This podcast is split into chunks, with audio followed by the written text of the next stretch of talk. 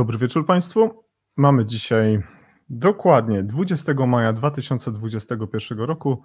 Ja nazywam się Jacek Borowiak, a Państwo oglądacie kolejny już odcinek y, Nurdis y, Triget Live. Dzisiejsze spotkanie, dzisiejsza rozmowa poświęcona będzie tematyce bezpieczeństwa. Bardzo szczególnej tematyce, gdyż y, związanej z placówkami dydaktycznymi, ze szkołami, do których każdego dnia uczęszcza e, wiele tysięcy mm, młodych ludzi, dzieci w wieku szkół podstawowych, y, szkół średnich i oczywiście mm, środowiska akademickie. Te miejsca to bardzo ważne mm, instytucje, które gromadzą w jednym czasie bardzo wiele osób. W związku z tym, na prośbę naszych widzów, na prośbę naszych słuchaczy, udało nam się zaprosić dzisiaj do studia grupę ekspertów, z którymi będziemy rozmawiać właśnie na temat bezpieczeństwa, a dokładnie o strzelaninach w szkołach. I dziękuję w tym momencie szczególnie pani Teresie, która w sposób szczególny zabiegała o ten temat i mam nadzieję, że pani dzisiaj Teresa z nami jest i pani Teresa się do nas odezwie i będziemy mogli panią e, osobiście pozdrowić i oczywiście też podziękować. To jest pierwszy powód, dla którego bardzo się cieszę, że dzisiaj, drodzy Państwo, jesteście z nami. Drugi, wspomniani y, już y, eksperci, o których będę mówił za chwilkę, a mm, ich biografię, ich, ich sylwetki będę wspominał y, dosłownie za moment. Ale pozwolicie, drodzy Państwo, że przedstawię jeszcze jeden bardzo ważny powód, dla którego dzisiejsze spotkanie jest dla nas bardzo wyjątkowe. Drodzy Państwo, mm, dzisiejsze, mm, dzisiejsze spotkanie, dzisiejsza mm, rozmowa jest dedykowana bardzo ważnej osobie. Bardzo ważnej osobie, gdyż bardzo mocno jest ta postać połączona z tematem bezpieczeństwa w Polsce, z tematem bezpieczeństwa na świecie i w związku z tym dzisiaj będziemy chcieli odcinek Nurdis Triget Live o bezpieczeństwie mm, poświęcić mm, panu doktorowi Krzysztofowi Lidlowi, który 18 kwietnia w wieku 51 lat odszedł od nas. Doktor mm, o specjalności zarządzania bezpieczeństwem, prawnik, specjalista w zakresie terroryzmu międzynarodowego i jego zwalczania ekspert w zakresie analiz informacji, szczególnie w obszarze analizy decyzyjnej.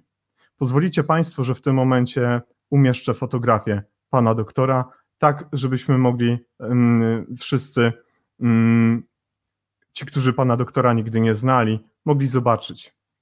A ja w tym momencie pozwolę sobie zniknąć z ekranu i będę czytał dalej. To tylko jeden z wycinków biografii pana Krzysztofa Willa. Były naczelnik Wydziału do Spraw Przeciwdziałania Zagrożenia Terrorystycznemu Departamentu Bezpieczeństwa Publicznego Ministerstwa Spraw Wewnętrznych i Administracji, były dyrektor Departamentu Bezpieczeństwa Pozamilitarnego Biura Bezpieczeństwa Narodowego, kierownik Instytutu Analizy Informacji Collegium Civitas, dyrektor badań Centrum Badań nad Terroryzmem Collegium Civitas, wykładowca również Collegium Civitas i Uniwersytetu Warszawskiego autor i współautor wielu publikacji na temat terroryzmu międzynarodowego, jego zwalczania, a także mm, na temat analizy, analizy informacji. Krótko po śmierci mm, pana doktora, przyjaciele, mm, współpracownicy napisali tak na profilu facebookowym. Jego energia, chęć działania i charyzma sprawiły, że skupiliśmy się wokół niego, szukając przywódcy i przewodnika stanowił dla nas inspirację, był wsparciem, przyjacielem, mentorem i do końca świata będziemy mu za to wdzięczni. Mm, ostatni nasz gość, pan Marek Maślanka, napisał: Niech spoczywa w spokoju. Nie, zmienia, nie zmieniamy biegu zdarzeń, ale możemy uczynić nasze wspomnienia bogatszymi, o, y, bogatszymi o, o, ludzi, o ludzi, których mieliśmy szczęście spotkać. Takich, takich wpisów, takich odniesień do osoby pana Krzysztofa z pewnością znajdziemy w przestrzeni mm, publicznej bardzo wiele i jesteśmy za to wszystko bardzo wdzięczni. Tak więc dzisiejszy odcinek dedykowany panu Krzysztofowi właśnie hmm, chcemy przekazać Państwu.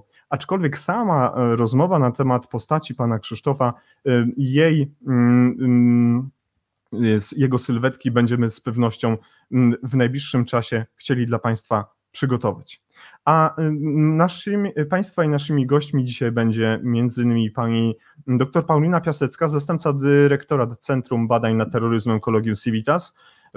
Pani doktor ma swój przewód doktorski ze społecznych nauk w dyscyplinie nauk o bezpieczeństwie, jest zastępcą kierownika Ośrodka Analiz Informacji Collegium Civitas Y, jest byłym głównym specjalistą w Wydziale do Spraw Przeciwdziałania Terroryzmowi w Ministerstwie Spraw, Spraw Wewnętrznych. Jest y, również autorem wielu publikacji, wielu analiz, które zostały przeprowadzone między innymi pod stemplem, że się tak wyrażę, Kolegium Civitas. Jest z nami również pan Andrzej Mroczek, ekspert w zakresie terroryzmu i terroru kryminalnego, przestępczości zorganizowanej oraz rozpoznawania i zwalczania tych zjawisk, edukacji i zarządzania w stanach nadzwyczajnych i kryzysowych.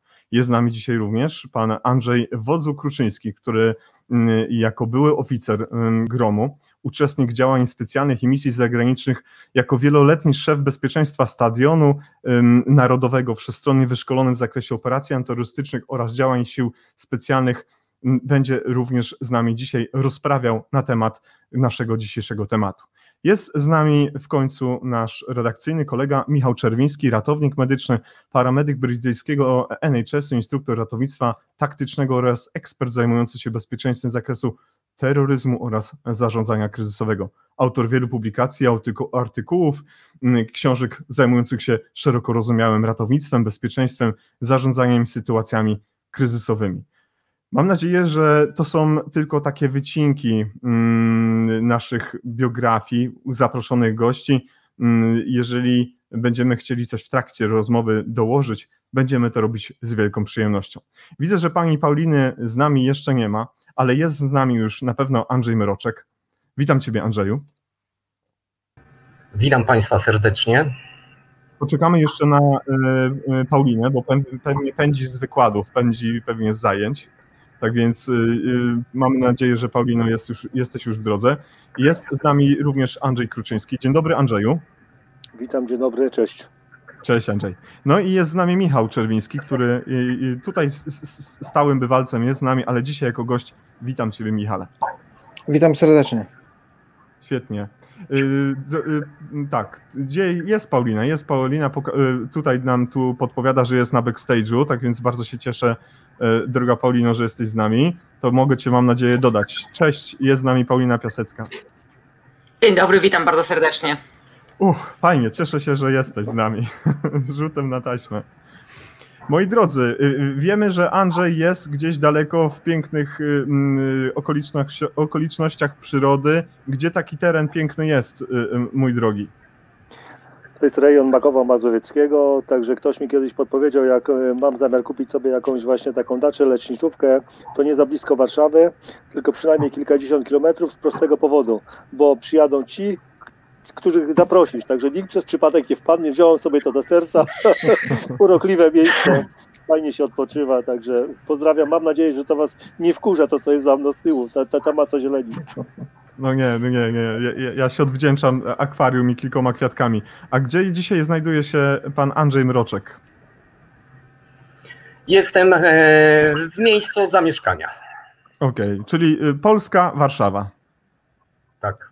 Tak, pa Paulina, y, twoja, twoja biblioteczka jest słynna na cały świat.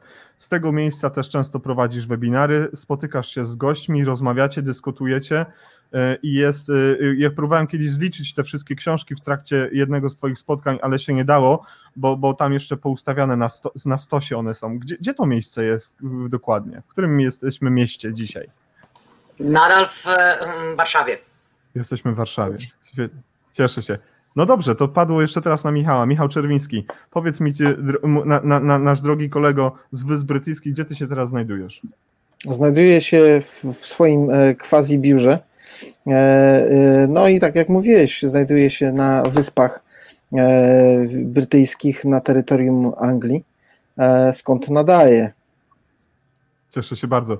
Chciałem Wam wszystkim już teraz bardzo serdecznie podziękować za to, że udało się Was dzisiaj zaprosić w to miejsce, żebyśmy mogli porozmawiać e, o temacie, który jest dla nas bardzo ważny. Okazuje się, że dla nas, dla osób, które dotykają bezpieczeństwa, ja w niewielkim zakresie, Wy jako eksperci od wielu lat y, spotykacie się z tymi kwestiami znacznie, znacznie częściej, jeszcze szerzej patrzycie na problem.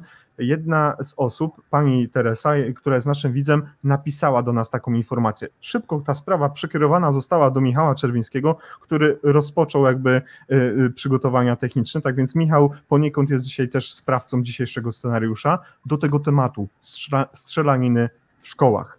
I mm, myślę, że będziemy przychodzić przez te wszystkie pytania, które już są w tym momencie dla Was przygotowane. I, i tak jak żeśmy troszeczkę rozmawiali w, części takiej te, y, technicznej, każdy z Was, jeżeli będzie chciał dorzucić coś do tego, co przedmówca powie, to będzie mi bardzo miło. Zanim jednak poproszę Was o to, żebyście e, zajęli się konkretnymi sprawami, ja bym bardzo chciał, żeby zarówno Andrzej Mroczek i, i, i, i, i Paulina mogli nam powiedzieć, jaka jest e, według Was definicja bezpieczeństwa. Andrzej i Michał już o tej definicji rozmawiali ze mną trochę więcej, ale jaka jest według Was definicja bezpieczeństwa? Może Paulina? Jest to pytanie proste głównie ze względu na to, że trudno powiedzieć, jaką perspektywę tutaj chcielibyśmy przyjmować. Zakładam, że nieco bardziej pragmatyczną niż teoretyczną. Mhm. E, teoretycznie bowiem istnieją co najmniej dwa podejścia do bezpieczeństwa, tak zwane wąskie i szerokie, gdzie wąskie jest tym podejściem, w którym bezpieczeństwo jest po prostu nieobecnością zagrożeń, natomiast szerokie jest takim procesem albo stanem, w którym możliwy jest stabilny i konsekwentny rozwój. Oznaczałoby to jednocześnie brak zagrożeń, oraz posiadanie możliwości i potencjału do tego, żeby spokojnie się rozwijać. Istnieje zresztą nawet taka koncepcja gdzieś na pograniczu socjologii i politologii, która mówi o tym, że jednym z największych zagrożeń wynikających z pojawienia się konfliktów asymetrycznych, terroryzmu, zagrożeń hybrydowych jest przekształcanie się naszych społeczeństw ze społeczeństw mhm. rozwoju w społeczeństwa ryzyka.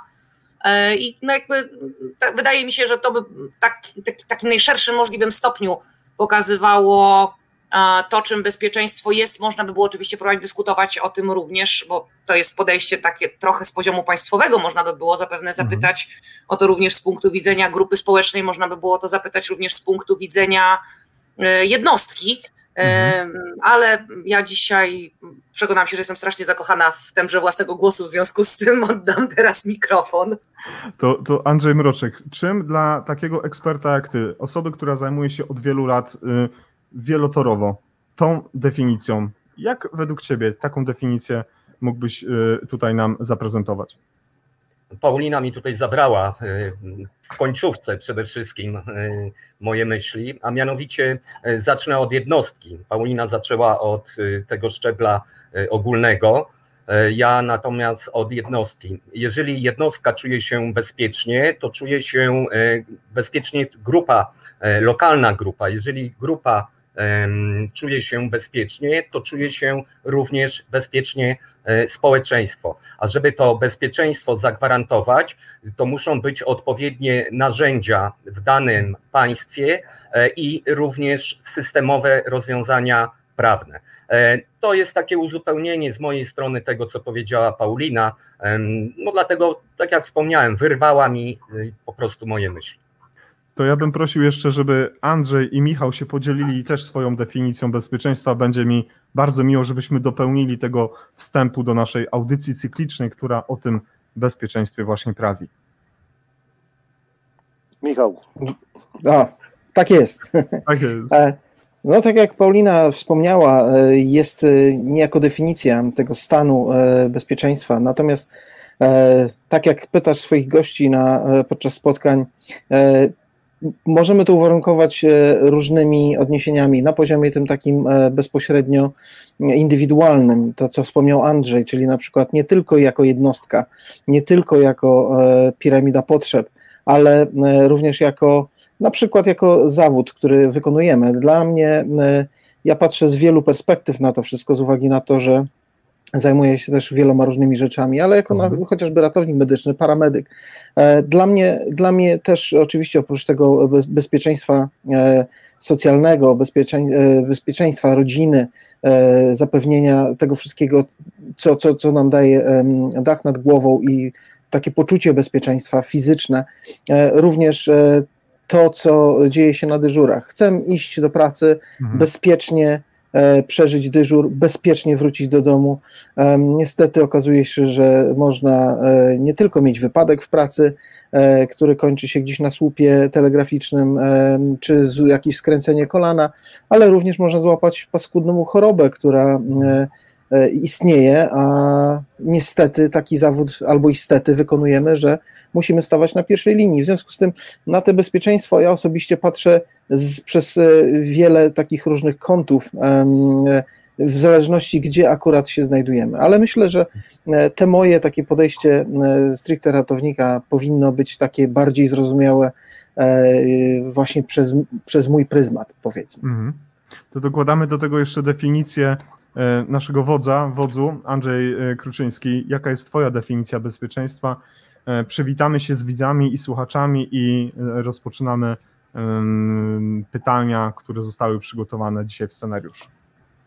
Mnóstwo tutaj cennych rzeczy zostało powiedziane, ale myślę, że też możemy to tak y, przyrównać do tej tak zwanej strefy komfortu. No jeżeli się czujemy dobrze, komfortowo, no to, to, to jest stan taki y, no, bardzo, bardzo pożądany. Jeżeli rzeczywiście coś jest na rzeczy i czujemy się mniej komfortowo albo bardzo nieswojo, no to, to, to znaczy, że coś, coś, coś jest nie tak.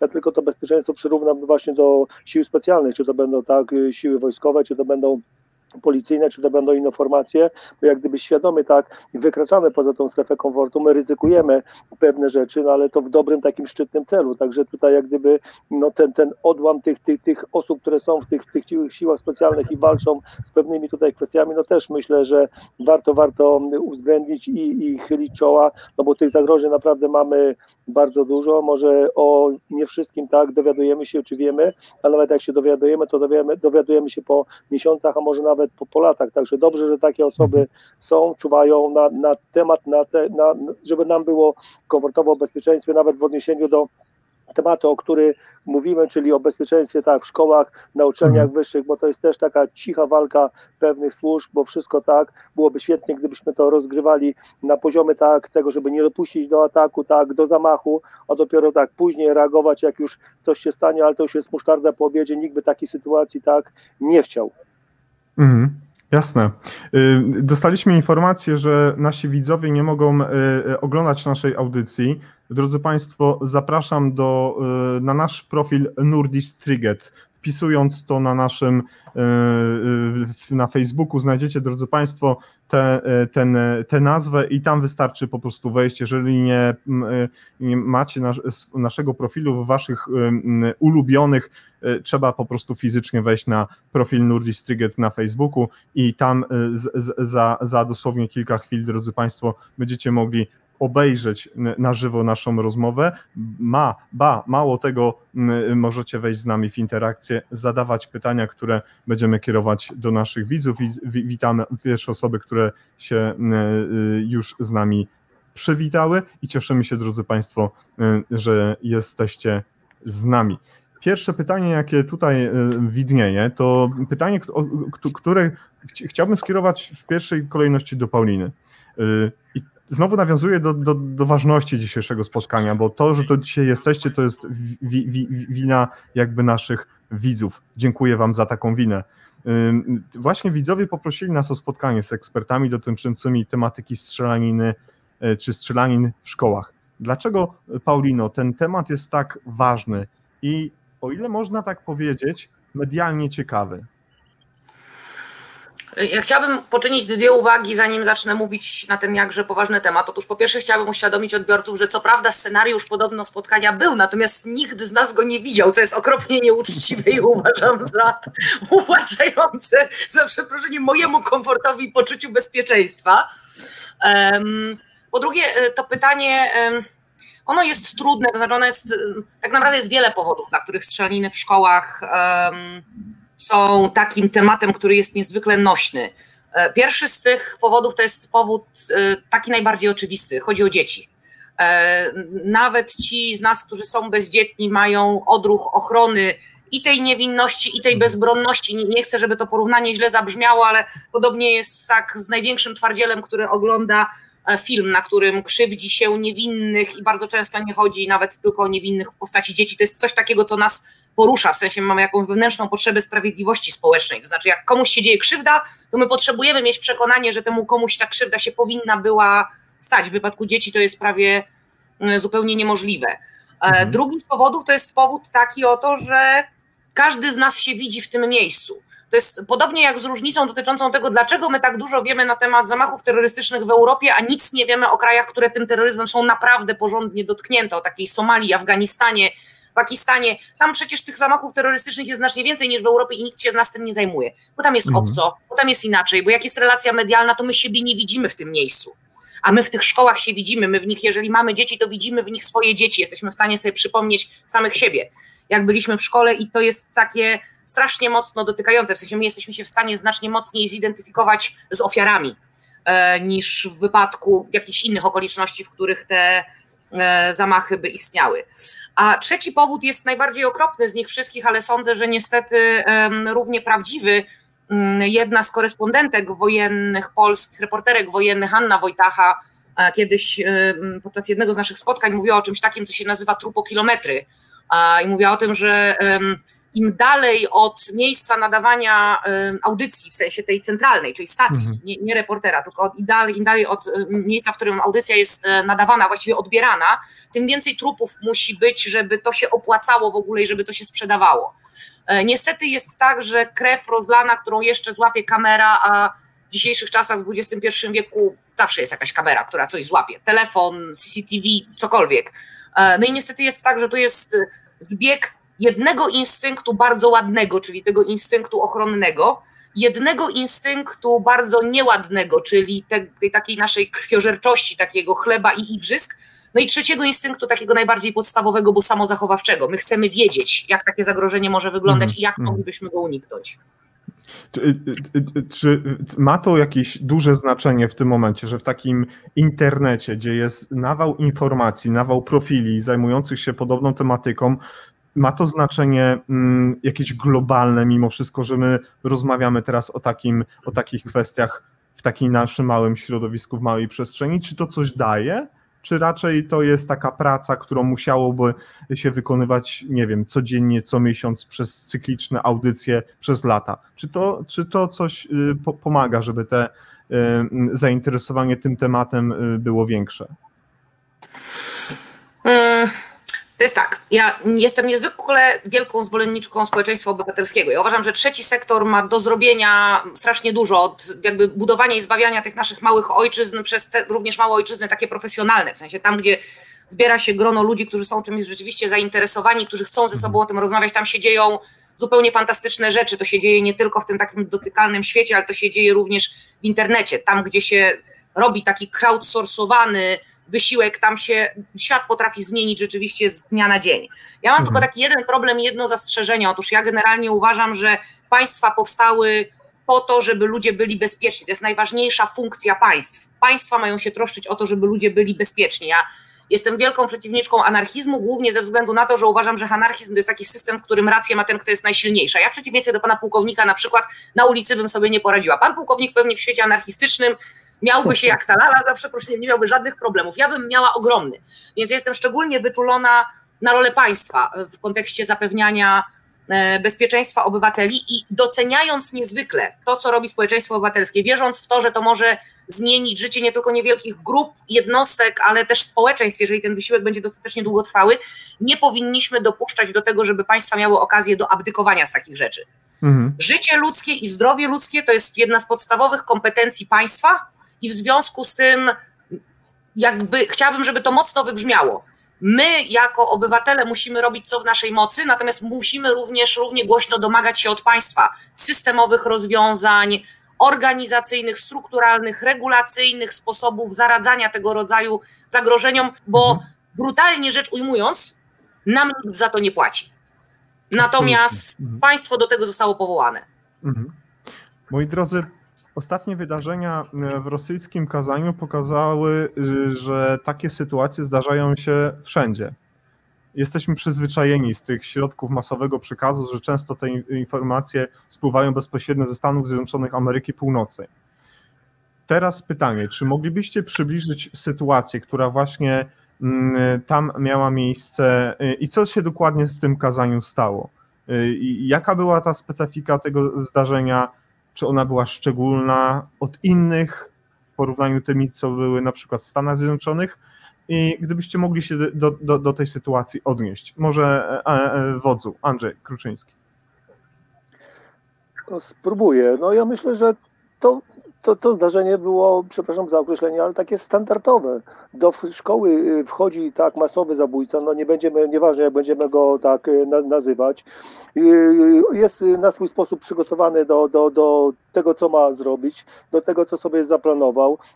Jest oczywiście uzbrojony, no spuszczam zasłonę milczenia tak, w jaki sposób zdobył broń. Y, prawdopodobnie z tych doniesień okazuje się, że zdobył, że zdobył broń legalnie, czyli ją normalnie zakupił, bo takie możliwości rzeczywiście są. Skoro ją miał, nie można wykluczyć też, że y, był na strzelnicy raz, drugi, trzeci i y, tak nauczył się tę tą broń obsługiwać. Tutaj filozofii nie ma. To można robić nawet atrapą, tak, i niekoniecznie to musi być tak broń tak zwana ostra ale wchodzi i realizuje po prostu swój plan.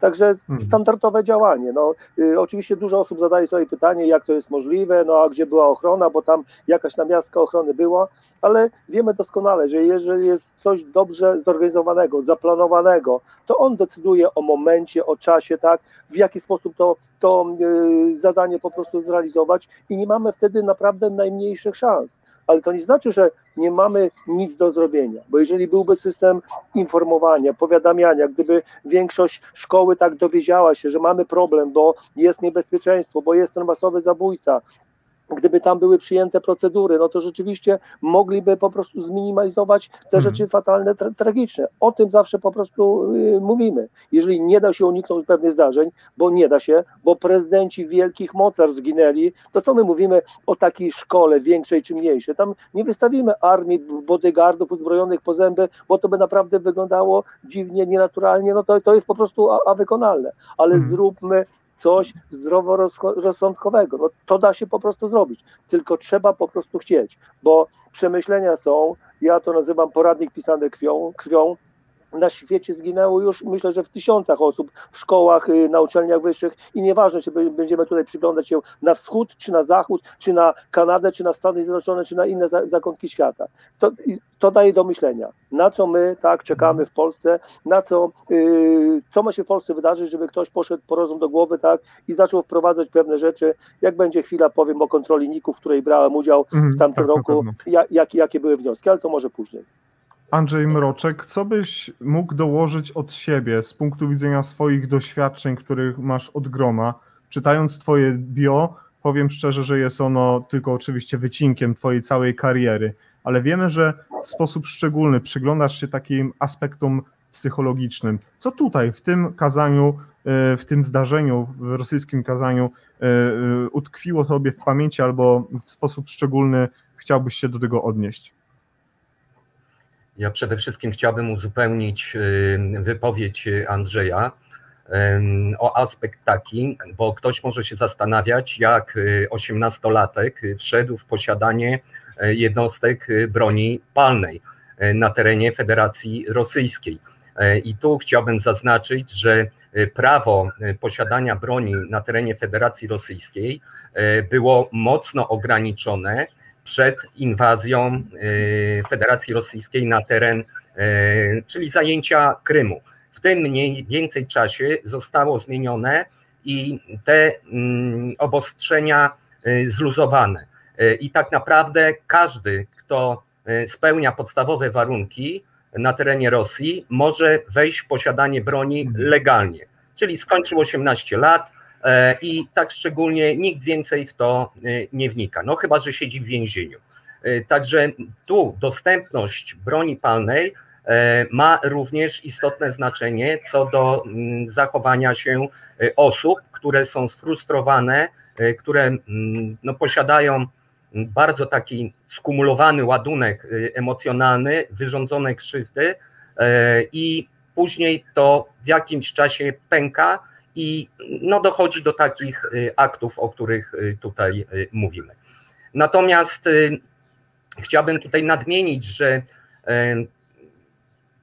na terenie Polski nie mieliśmy wielu takich przypadków, aczkolwiek w ostatnich latach i tych najbliższych, które miały miejsce, no doszło do bardzo niepokojących zdarzeń, ale to może będzie przedmiotem innego pytania, także to nie chciałbym się rozwodzić mm -hmm. może tak głęboko. -hmm. Czy, czy, czy Michał, o kiedy dostałeś ten scenariusz y, przez media, przez, przez środki masowego przekazu, czy zauważyłeś tam coś szczególnego, czy tak jak powiedział Andrzej, y, w pewnym momencie no był to bardzo typowy przypadek, z którym wy, specjaliści, fachowcy macie do czynienia? Czy było tam jednak coś, co było inne niż, niż y, inne scenariusze?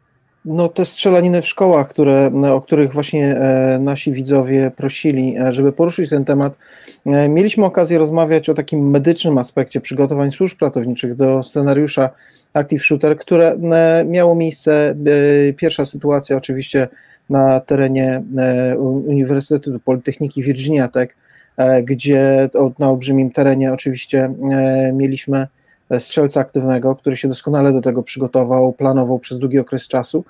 E, no i mieliśmy również obóz młodzieżówki partyjnej, czyli mhm. może to nie jest stricte e, powiązane z e, taką placówką oświatową, natomiast też oczywiście młodzież, dzieci jako, jako główny cel ataku. No tutaj oczywiście mm, czymś takim, co, co od razu po informacji o strzelinie w Kazaniu, od razu mój mózg, że tak powiem, cofnął się E, wstecz był 2004 rok, 1 września, gdzie e, komando czeczeńskie weszło do szkoły w Biesłanie. E, tam zginęły ponad 3, 300 osób, w większości dzieci. 700 osób było rannych. To zobaczmy na skalę zdarzenia. To scenariusz zakładniczy trwał dwa dni. Komando, które wcześniej przygotowało sobie E, ładunki wybuchowe podczas remontu tej szkoły, e, gdzie w momencie, kiedy się e, wysypali pod tą szkołą, byli tak naprawdę gotowi do okupowania całego budynku. Tu w tym momencie to, co powiedział Andrzej, jest Andrzej Wodzu, że biorąc pod uwagę charakter tego zdarzenia, patrząc na to poprzez pryzmat tego wszystkiego, co rozbieramy na czynniki, analizujemy, było z takich jednych ze standardowych strzelanin w szkołach, e, czyli e, nie miało to jakiegoś e, większego, głębszego znaczenia dla publiki. Tu nie był to zamach terrorystyczny bardzo głęboki. Natomiast zwróćmy uwagę, tak jak mówię, cofnijmy się do 2004 roku. Ile razy mówimy o Biesłanie? Co roku 1 września. Przypominamy sobie skalę, to co Paulina doskonale powiedziała, te, te wszystkie trupo E, kilometry, e, to, to, to się wydaje, że to jest bardzo daleko, ale tak naprawdę jest to kilka tysięcy kilometrów od nas i tak naprawdę takie sytuacje mogą się u nas wydarzyć w każdej chwili. E, w związku z tym ja z, z, mówię ze swojej, ze swojej strony, tak jak pytałeś mnie Jacku, no przede wszystkim starałem się przeanalizować, co się tam naprawdę wydarzyło, E, I tak jak w Osetii Północnej, gdzie, gdzie właśnie Biesłan leży e, na terytorium rosyjskim, ta, tam też, tak jak e, Andrzej wspominał, mnóstwo ludzi posiada broń. Mhm. I próbowano na początku oczywiście przede wszystkim walczyć z ludźmi, którzy, z rodzinami, które, które, których dzieci były, przebywały w tej szkole. Więc to, to nie jest taki problem tylko na zasadzie terrorysta, służby, i nic więcej. My tak naprawdę zatracamy ten cały punkt widzenia społeczeństwa, o, o, którym e, też Paulina wspominała na początku. Mhm. Także e, my mamy tą rolę bardzo ważną, jeśli chodzi o e, przygotowanie, może prewencję tego wszystkiego. I w różnych miejscach świata, gdzie teraz przebywamy, ty w Norwegii, a w Wielkiej Brytanii, cała reszta specjalistów siedzi w Polsce możemy się dzielić i to jest z jednej strony cudowne, natomiast z drugiej strony mhm. nikt z tego nie wyciąga daleko idących wniosków, takich wniosków typowo do e, wykonania. Zastanowimy się, dlaczego tak się dzieje, ale pozwolisz, Michale, że przekieruję jedno pytanie, kolejne zresztą. I tutaj też bardzo byśmy prosili o Paulinę, może jako, jako pierwszą osobę, która będzie chciała się wypowiedzieć na ten temat. Co tak naprawdę sprawia, że że właśnie szkoły, że placówki e, edukacyjne skupiają na sobie uwagę y, nie tylko samych zorganizowanych, dużych, licznych e, organizacji terrorystycznych, ale, ale też również tak zwanych znaczy pojedynczych sprawców ataków, samotnych wilków, czy, czy, czy, czy nazywanych przez Was ekspertów jeszcze inaczej. Dlaczego tak się dzieje?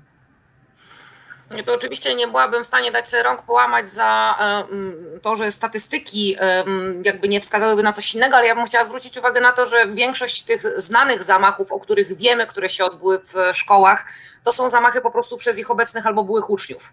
W związku z mhm. tym tutaj bardzo trudno by było mówić o czym, nieważne czy mówimy o kazaniu, o Sandy Hook, czy mówimy o Virginia Tech, czy właściwie wszędzie tam jest tak, że to jest były albo obecny uczeń, bardzo często absolwent w wypadku um, tego młodego mężczyzny skazania to był absolwent wyrzucony w 2021 roku z uniwersytetu, nie pamiętam gdzie, ale z jakiegoś, z jakiegoś kierunku um, zarządzanie, e, który został wyrzucony i który um, wrócił tak jakby do szkoły, którą kończył wcześniej.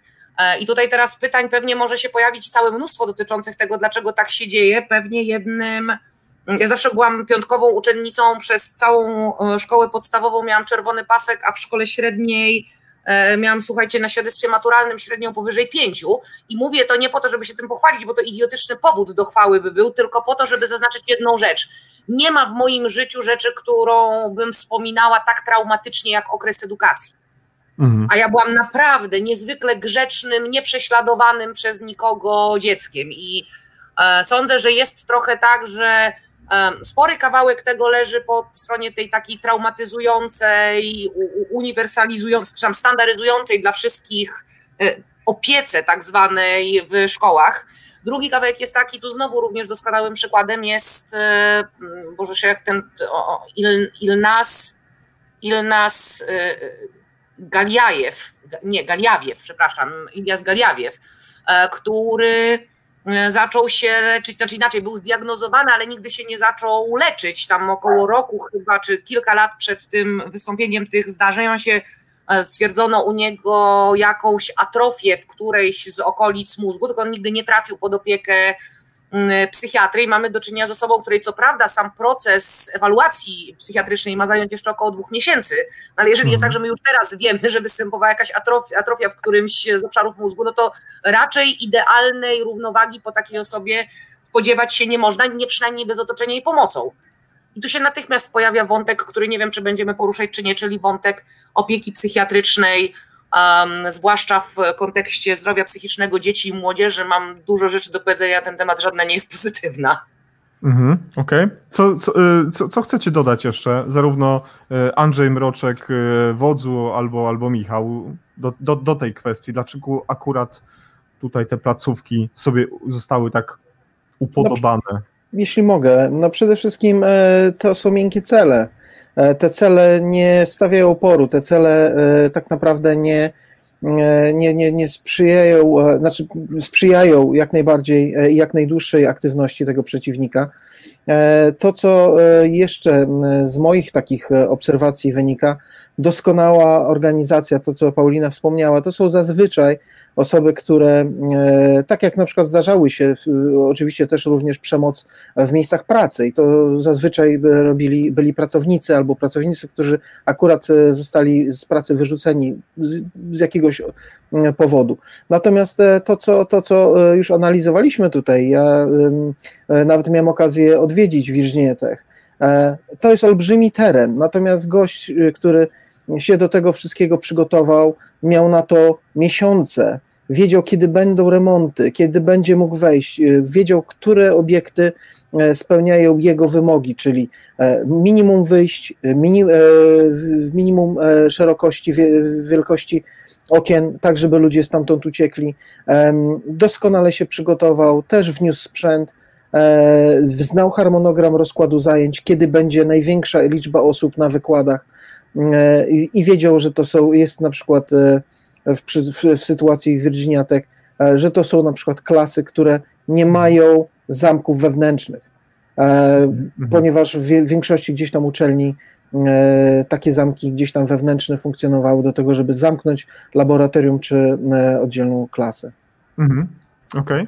To ja mam takie kolejne pytanie, które znalazło się w naszym scenariuszu e, i, i ja mam e, jedyne usprawiedliwienie, e, droga Paulino, jest moje takie, że, na, że, nasi goście nigdy nie dostają pytań, więc to nie jest jakaś zorganizowana akcja przeciwko tobie czy wam, więc, więc wszelka taka kwestia wynikająca z tej sprawy no jest jakby naszym standardem, więc to jest jedyna rzecz, jaką mam na, na, na swoje wy, wy, wytłumaczenie.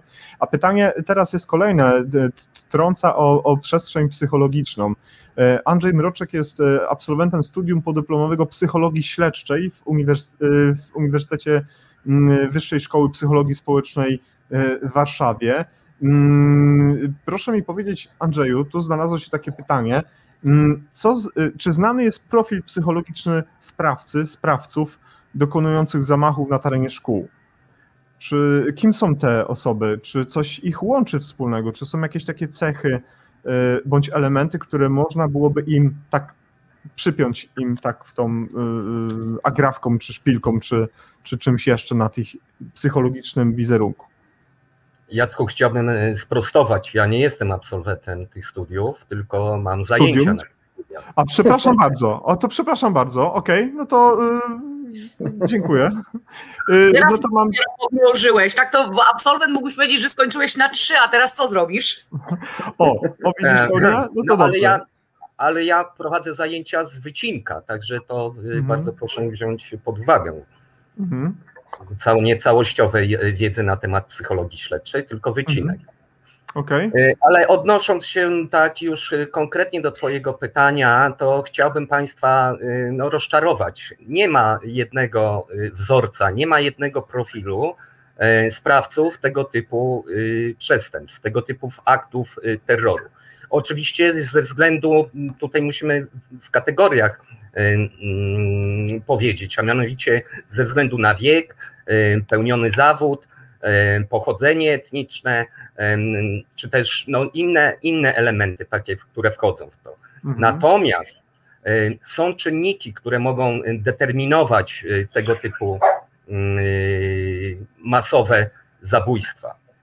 Czyli już wspomniałem o tej takiej długoterminowej frustracji, poczucia winy za coś, co się wydarzyło, e, kłopoty w szkole, pracy, w domu, w wojsku i takie tendencje do obwiniania się za mm, innych, za coś, e, za jakieś problemy, które mm, nie są tak naprawdę moimi problemami, tylko ja je przyswajam.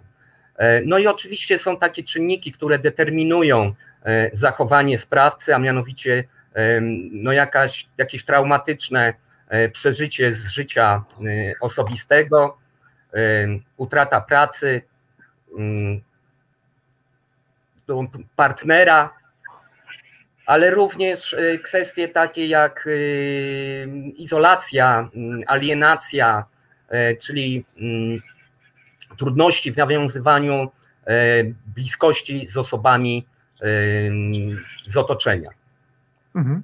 Mhm. E, charakterystyczne, charakterystyczne to przeprowadzili kilka lat temu mm, funkcjonariusze, y, agenci FBI, jest to, że e, w 98% e, tego typu zdarzeń sprawca działa w pojedynkę i w 90% popełnia samobójstwo.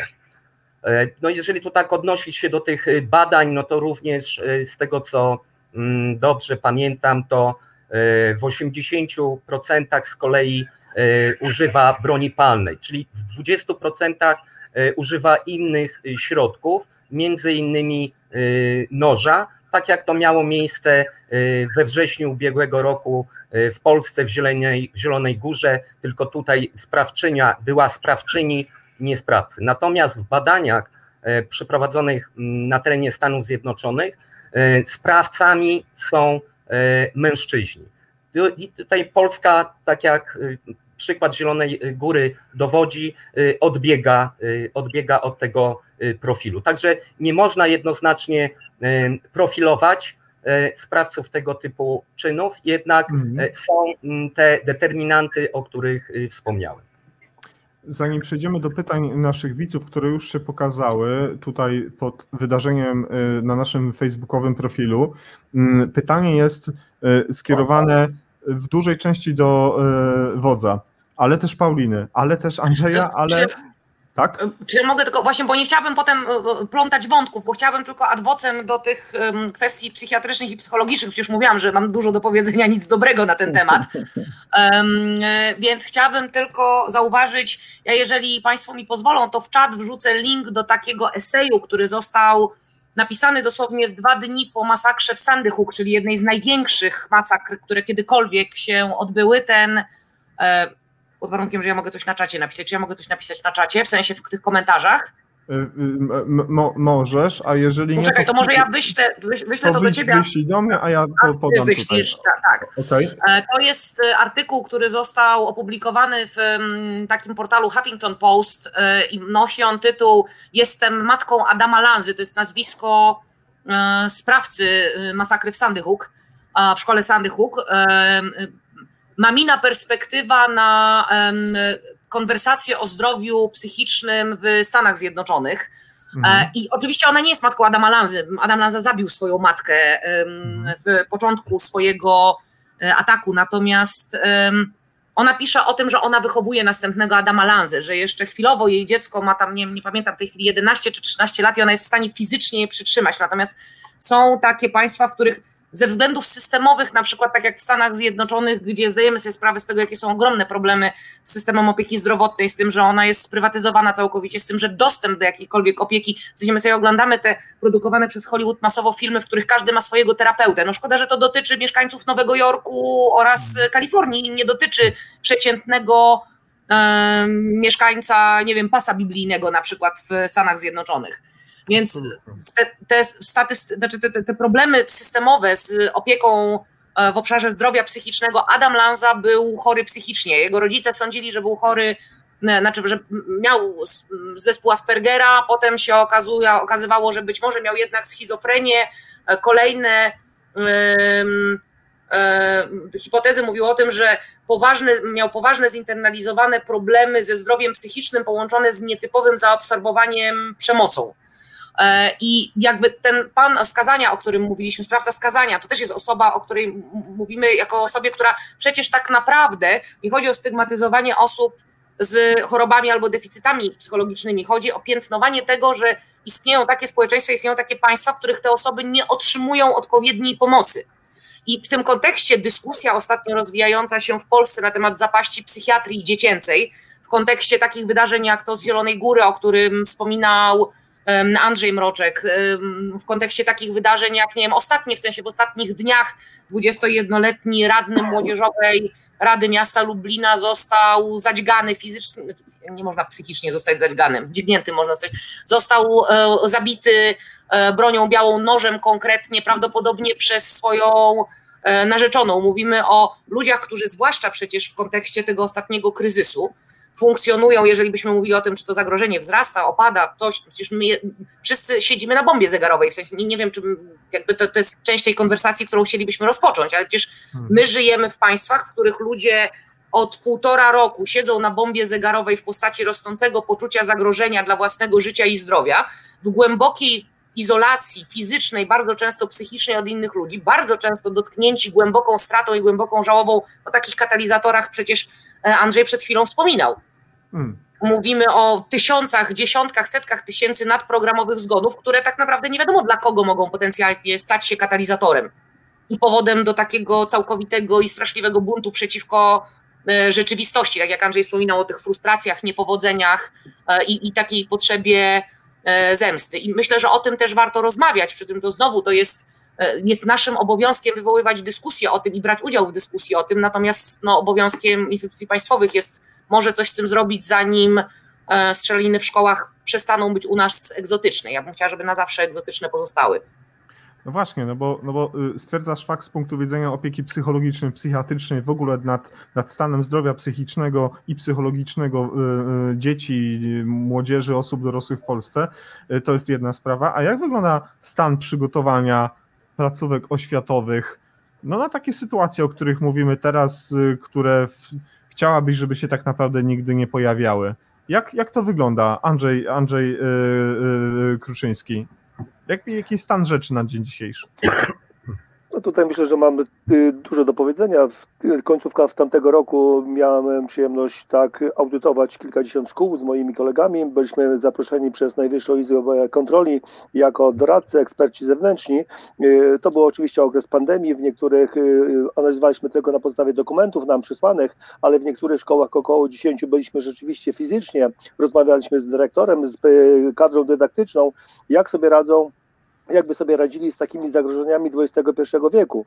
Mamy tutaj na myśli ta właśnie masowy zabójca, co by było, gdyby y, ktoś taki się pojawił w szkole, co by było, jakby była, była taka realna sytuacja z podłożeniem materiału wybuchowego. No mm. i mhm. ukazał się raport. Ten raport jest lekko miażdżący. Powiem delikatnie, rzeczywiście jest co robić. No, zalecenia były no, konkretne. Między innymi tutaj Paulina będziesz wiedziała, y, sugerowaliśmy wprowadzenie procedury tak zwanej 4U, to co robi Centrum Prewencji terrorystycznej, czyli te, te ostatnie właśnie szkolenia. Uważam, że to jest no, cudowne takie lekarstwo na wiele, wiele złych sytuacji. My niekoniecznie musimy tak sięgać do wzorców ze Stanów Zjednoczonych, z Wielkiej Brytanii czy z innych zakątków świata, tylko mamy fajny program, gotowe właśnie procedury, które są nic innego, jak tylko trzeba je po prostu wdrożyć, przetrenować, przyćwiczyć i szkoły powinny się po prostu pod takim kątem y, przy, przy, przygotować. No oczywiście y, pytanie, co, co, co będzie dalej, jak szkoły będą reagowały. Ja wiem, zdaję sobie sprawę, że w tej chwili szkoły mają totalnie inne problemy, bo po covidowo wracamy do szkół, ale no, początek nowego roku y, po przerwie kilkumiesięcznej, no naprawdę będzie mnóstwo rzeczy do zrobienia. Dzieciaki odwykły od, od takiej karności, od dyscypliny, nauczyciele, wszyscy odwykliśmy od, od pewnych standardów, od takich minimalnych standardów, także wpłaść na właściwe tory, no nie będzie łatwo, nie będzie prosto, ale same procedury nie zrobią nic, bo, bo jak są procedury, to trzeba je po prostu przetrenować. No to, to, to musi być po prostu trening w miarę realistyczny. Jeżeli nie ma takiego treningu, jest tylko jakaś pogadanka, a niektórzy uważają, że film szkoleniowy tak 20-porominutowy mm. załatwi sprawę i to będzie lekarstwo na całe zło, no to spuszczam zasłonę milczenia. No, ja jestem praktykiem, wy jesteście praktykami i wiemy do, doskonale, że to może tylko poprawić komuś samopoczucie, bo ten ktoś może udawać, że został przeszkolony, tak, bo wymóg spełnił, w dzienniku gdzieś tam wpisze, szkolenie się odbyło, jestem kuty na cztery nogi, mam tak, y, przepraszam za, za y, określenie, ochronę swoich czterech liter, tak, albo mm. zrobić trening bardziej po prostu uczciwy, do czego zachęcamy, do czego oczywiście tak y, namawiamy. Czy na jakich y, y, dokumentach oceniających stan rzeczy możemy bazować, na, na, podstawie których możemy wnosić o zmianę legislacyjną bądź jakichś standardów? Paulina, Andrzej Mroczek, co, co to się musi wydarzyć? Jak, i, i, i, i, czy to NIK, właśnie jak za, z, e, opowiadał przed chwilą Andrzej, czy jeszcze jakiś inny urząd stwierdzi stan rzeczy, że tu jest źle i, i, będzie miało to jeszcze większą, silniejszą wagę? Czy to, co NIK teraz powiedział, że jest źle, to już jest na tyle ważna informacja, na tyle feedback oddany do władzy, że to trzeba zmienić? Czy może brakuje jeszcze jednej kontroli? Może jeszcze kogoś? Ale to y, problem jest y, powielany y, od lat. To nie jest nowość, to o czym mówił przed chwileczką Andrzej Kuczyński, tylko obserwujemy to tak naprawdę od kilkudziesięciu lat, że w tej materii, kiedy zaczęły występować te nowe zagrożenia, zagrożenia asymetryczne, dzieci i młodzież nie jest do tego przygotowywana w, w kontekście świadomości, jak również e, umiejętności reagowania, na, ba, dzieci, również e, nauczyciele, tak? Ale no jeżeli dzisiaj spojrzymy na e, decydentów, którzy są odpowiedzialni za edukację, oni również są odpowiedzialni za bezpieczeństwo tych dzieci w szkołach, czyli za programy, które będą edukować dzieci e, w kontekście tych wspomnianych przeze mnie zagrożeń e, asymetrycznych. I teraz odno, odniosę się do tego, co powiedziała Paulina, a mianowicie e, no, tej frustracji, która narasta wśród dzieci i młodzieży spowodowanej no, tą sytuacją epidemiczną i to kiedyś wybuchnie, tak jak Paulina powiedziała. I jeżeli ten problem nie będzie od razu e, podnoszony i nie będzie systemowo rozwiązywany, to e, proszę mi uwierzyć, w kontekście kilku następnych, czyli w następnym na przykład roku szkolnym, e, ta frustracja wśród niektórych dzieci będzie tak duża, takie duże nagromadzenie tych negatywnych emocji, że może dojść do wybuchów, a na pewno do takich znaczy wybuchów w kontekście no, active shooter e, z użyciem broni palnej, materiałów wybuchowych czy też e, noża, ale przede wszystkim również e, eskalacja przemocy wewnątrz szkoły pomiędzy już jednostkami czy grupami, które będą w jakiś sposób chciały dominować nad resztą. No, dziś te dzieci muszą rozładować tą emocję, a szukają tego podłoża tego materiału najłatwiejszego, czyli w swoim środowisku, e, w tym środowisku, gdzie znajdą jeszcze młodszy. Czy ktoś z Was jeszcze chce dodać do, do, do, do, do, do tej wypowiedzi coś od siebie, czy możemy przejść do pytania od pierwszego widza? E, jeszcze tylko pa, Paulina, proszę. Dziękuję. Ja tylko a propos tych systemowych rozwiązań, że możemy E, dosyć długo mówić o tym, ile dokumentów kontrolnych jest potrzebnych. Problem jest troszeczkę taki, że e, jak nie wiadomo o co chodzi, to chodzi o pieniądze bardzo często i chodzi o to, żeby wdrożyć systemowe rozwiązania, które by rzeczywiście pozwoliły na to, żeby systemowo e, podejść do wprowadzania takich elementów przygotowania na zagrożenia niestandardowe, takie emergent threats, no to jest trochę tak, że to wymaga przebudowania nie tylko programów, ale wymaga też odpowiedniego przygotowania um, E, szkoleniowców, no to pan pułkownik o tym wspominał, no to nie jest tak, że da się to załatwić za przeproszeniem filmikiem, albo da się to załatwić, to jest trochę tak jakbyśmy, no ja tu się nie poważę w tym e, szlachetnym gronie opowiadać o tym, jaką pozycję się powinno przyjąć w momencie, w którym jest się w okolicach ostrzału i nie ma się żelazobetonowej ściany, żeby się za nią schować, ale jest to pozycja, która jest znana, w sensie wiadomo, jak należy się ułożyć, tylko stawiam naprawdę dolary przeciwko orzechom, że nikt, kto usłyszy raz opis tej pozycji, którą należy przyjąć, jak będą do niego strzelać, to sobie za przeproszeniem nie przypomni, co ma robić, dostanie ciężkiego ataku paniki i będzie uciekał tam, gdzie go nogi poniosą, bardzo często wchodząc pod kulę. To jest hmm. raz. Dwa, my rozmawiamy o systemach powiadamiania.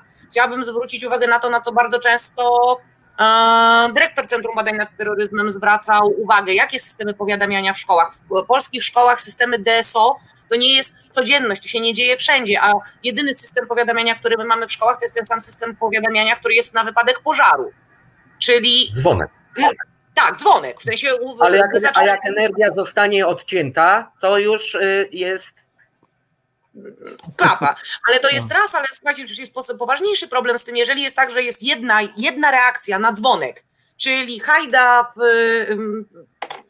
szlaki komunikacyjne i uciekamy do miejsc z góry założonej ewakuacji, a ten e, aktywny strzelec porusza nam się po tym ciągu komunikacyjnym, to jedyne co osiągniemy za pomocą uruchomienia takiego alarmu, to jest to, że mu więcej ludzi pod e, lufę nagonimy. Więc to wymaga systemowych rozwiązań również w tym zakresie, to znaczy wypracowania odpowiednich środków powiadamiania, przeszkolenia pracowników szkół, przeszkolenia nauczycieli, uświadomienia dzieciom tego też, e, w jaki sposób do tego można podchodzić. Więc to jest zorganizowany, systemowy, kaskadowy wysiłek, który powinien się zaczynać gdzieś tak naprawdę od współpracy na poziomie, nie wiem, Ministerstwo Spraw Wewnętrznych plus Ministerstwo Edukacji, przystosowania tak naprawdę tego, co my wiemy na temat przecież historii z y, całego świata o tym, że ktoś przeprowadził tak udany, symulowany atak terrorystyczny, że dzieci się boją chodzić do szkoły, ponieważ przeżyły traumę i w związku z tym tak. troszeczkę psikus, za przeproszeniem. Świetnie nauczyliśmy te dzieci, jak reagować na zagrożenie, tylko szkoda, że teraz y, z kształceniem mamy program, y, problem, mm, ale z drugiej strony mamy też takie sytuacje jak sytuacja z... Mm, członkami sztabu Aleksandry Ocasio-Cortez. Pamiętacie wydarzenie na Kapitolu? Pani tak. kongreswoman, bo ona chyba w kongresie zasiada, a nie w Senacie, pani kongreswoman powiedziała, że ona przeżyła ten atak na Kapitolu w, spo, w sposób nienaruszony, dlatego że ludzie z jej sztabu, młodzi ludzie, którzy znacznie długo po niej kończyli szkoły i w związku z tym przechodzili wszystkie możliwe szkolenia dotyczące tego, jak unikać takiego zagrożenia, powiedzieli jej, gdzie ma iść, jak ma się zachowywać, co ma zrobić i tak dalej.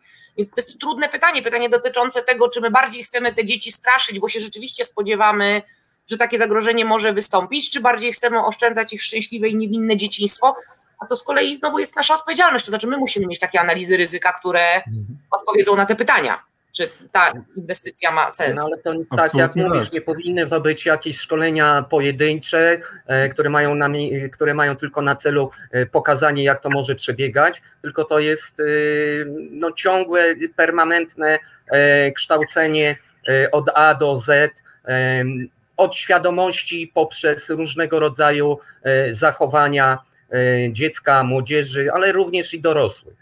Tak. No, tu, tu ja jeszcze, jeśli mógłbym, e, z uwagi na to, że podróże kształcą, ja też miałem okazję zobaczyć, jak, jak to wygląda e, na przykład e, w Stanach Zjednoczonych, jak to wygląda teraz w Wielkiej Brytanii, chociaż już tu kiedyś wspomnieliśmy podczas spotkania bodajże na Clubhouse u Andrzeja, że w Wielkiej Brytanii w umocowanie w tym w ustawie Counterterrorism and Security Act z 2015 roku jest coś takiego jak prevent duty.